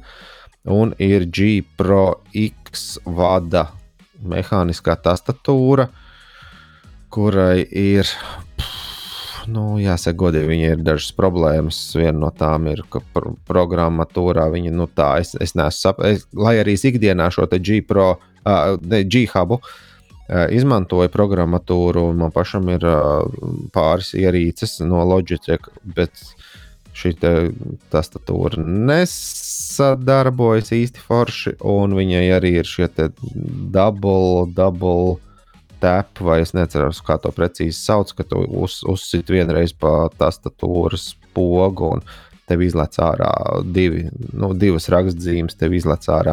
Tad tu būsi Hansis. Nu, tur man, man sitās dubults, dubults atstarps un dubulti īburti. Es par laimi, tastatūra ir uh, nomaināmas uh, šīs mehāniskās tās uh, pazuda vārds. Nu, tās mehāniķiņas pašas uh -huh. uh, ir nomaināmas taustiņiem apakšā, un es tur saliku. Uh, samainīju vietām, mazāk izmantotos, tur kaut kāds insert home vai kas tur vēl ir, kaut kāds pauzes scrolloks. Tos es samainīju uz šiem biežāk izmantojamiem taustiņiem, bet, uh, nu, blīns, uh, 150, 170 eiro tastatūrai nu, tas ir pilnīgi kreizī. Mm -hmm. nu, mhm. tā nedrīkst būt. It īpaši viņi paši savā mājaslapā uh, norāda, ka tiek testēts katrs. Katra poga, bet nu, tas ir nomaināmajiem šiem slēdzīšiem. To, ko tu vari piepirkt klāt, citus slēdzīšus, viņi raksta, ka tiek katrs notestēts. Nu, jā, uh, jā nu, nav. Ir, ir arī melnā savis tajā visā pasākumā. Mm -hmm. Tad eh, tās akaras produktu apskates sāks nākt laukā, beidzot ir sagatavoti. Tā tad būs gan par to Akara kamera hub G3 šo kameras hubu un aizkaru valkātāju. Tur viss ir sagatavots. Tur būs nākošais, es domāju, ka vismaz viens no tiem apskatiem būs. Plus manējais kaķis jau būs izdarījis vienu pako ar sauso barību no šī pet feedera automatizētā. Un sieva vakar tā arī, tā arī pateica, ej, vispār beiga labā lieta. Nu, gan ceļojumos kaut kādos tu vari aizbraukt normāli, tev tas zvērs neizrīs stulbais pirmajā vakarā visu to trauciņu un pēc tam neizvems turpat blakus. Tu skaties, ka tev pašam neiedod šī tādu te Jā, kurš automātiski izbirina, ja tur 7 jā, jā, rītā, tur... vienos dienā, 7 vakarā. Ja? kaut ko mm -hmm. graudiņus. Nu, tur dažs no omleta tu nedabūsi tā ārā, bet kaut kādas graudiņas un nu, bišu, bišu varbūt tālus tiek piekdienas vakarā uzliest virsū. Izsmidzināts, izsmidzināts. Jā, tad, tad Jurģim ir aizsūtīts Xiaomi 12. vietā runis uz testu, un no Xiaomi atbrauc vēl arī Airfryers. Tā ir diezgan populāra lieta, un mēs manai mammai uzdāvinājām, jo viņa diezgan ir starā. Viņa kaut kur tur šmorē visu laiku. Tur nav gan viss tik triviāli, kā mēs noskaidrojam. Tu nevari piekrāmēt viņu pilnu ar, ar vistas kājām un cerēt, ka tiešām tajās 15 minūtēs viss tur beigas izcepsies. Tur jābūt gan brīvai vietiņai apkārt, bet idejiski interesanta ierīce un tagad visiem gribās kaut ko frajot. Un arī tas uh, radiatoru regulators no Akaras, tas arī bija man uh, notestēts, un tur šis tas darbojas, šis tas mazāk varbūt darbojas. Un tev vēl ir um, Wi-Fi 6 sistēma kārtējā no TP-Link šoreiz. Ja? Jā, un mums ir beidzot bijusi iespēja nomēģināt 2,5 gigabitu nu, ierīcītes, jo mums ir pāris datori beidzot ar šīm te gan ne uz ilgāku laiku palikuši, bet vienā sakot, pa gaisu ar šīm TP-Link bezvadu režģītīkla routeriem var aizsūtīt 1,4 gigabitus vai kaut kas tāds. Nu, tas ir gandrīz dubults tas, ko tu varētu ar vien, vienkārši gigabita routeriem sasūtīt pa gaisu. Nu jā, viena no tām ir. Prot, protams, pa vadu ir cita, cita ātruma, cita stabilitāte, bet šeit mēs runājam tieši par gaisu. Mhm. -huh. Un Intel NUK tā mazā datoriņa ir gaisā. Tur diezgan interesanti komentāri cilvēki arī panesās. Priekš kam to vajag, tur vai nevajag, un tā, bet interesanti ierīce. Labi, viss, es domāju, tiešām, ja vien nav nekāda degoša, kā kaut kam vai ātri vai lēni degoša, taisam tur balīti ciet. Jā, tiešām milzīgs paldies, ka klausījāties šo super garo epizodi, bet manuprāt bija ļoti interesanti. Vismaz mums bija interesanti iziet cauri aktuālajām lietām. Ne visām gan izgājām, bet nu nekas atstājums kaut ko nākamreizē arī. Tā kā jā, paldies un tiekamies jau pēc nedēļas. Tā!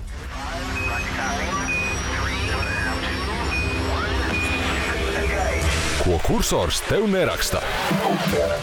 Regulārs tehnoloģiju podkāsts kopā ar Cursors LV.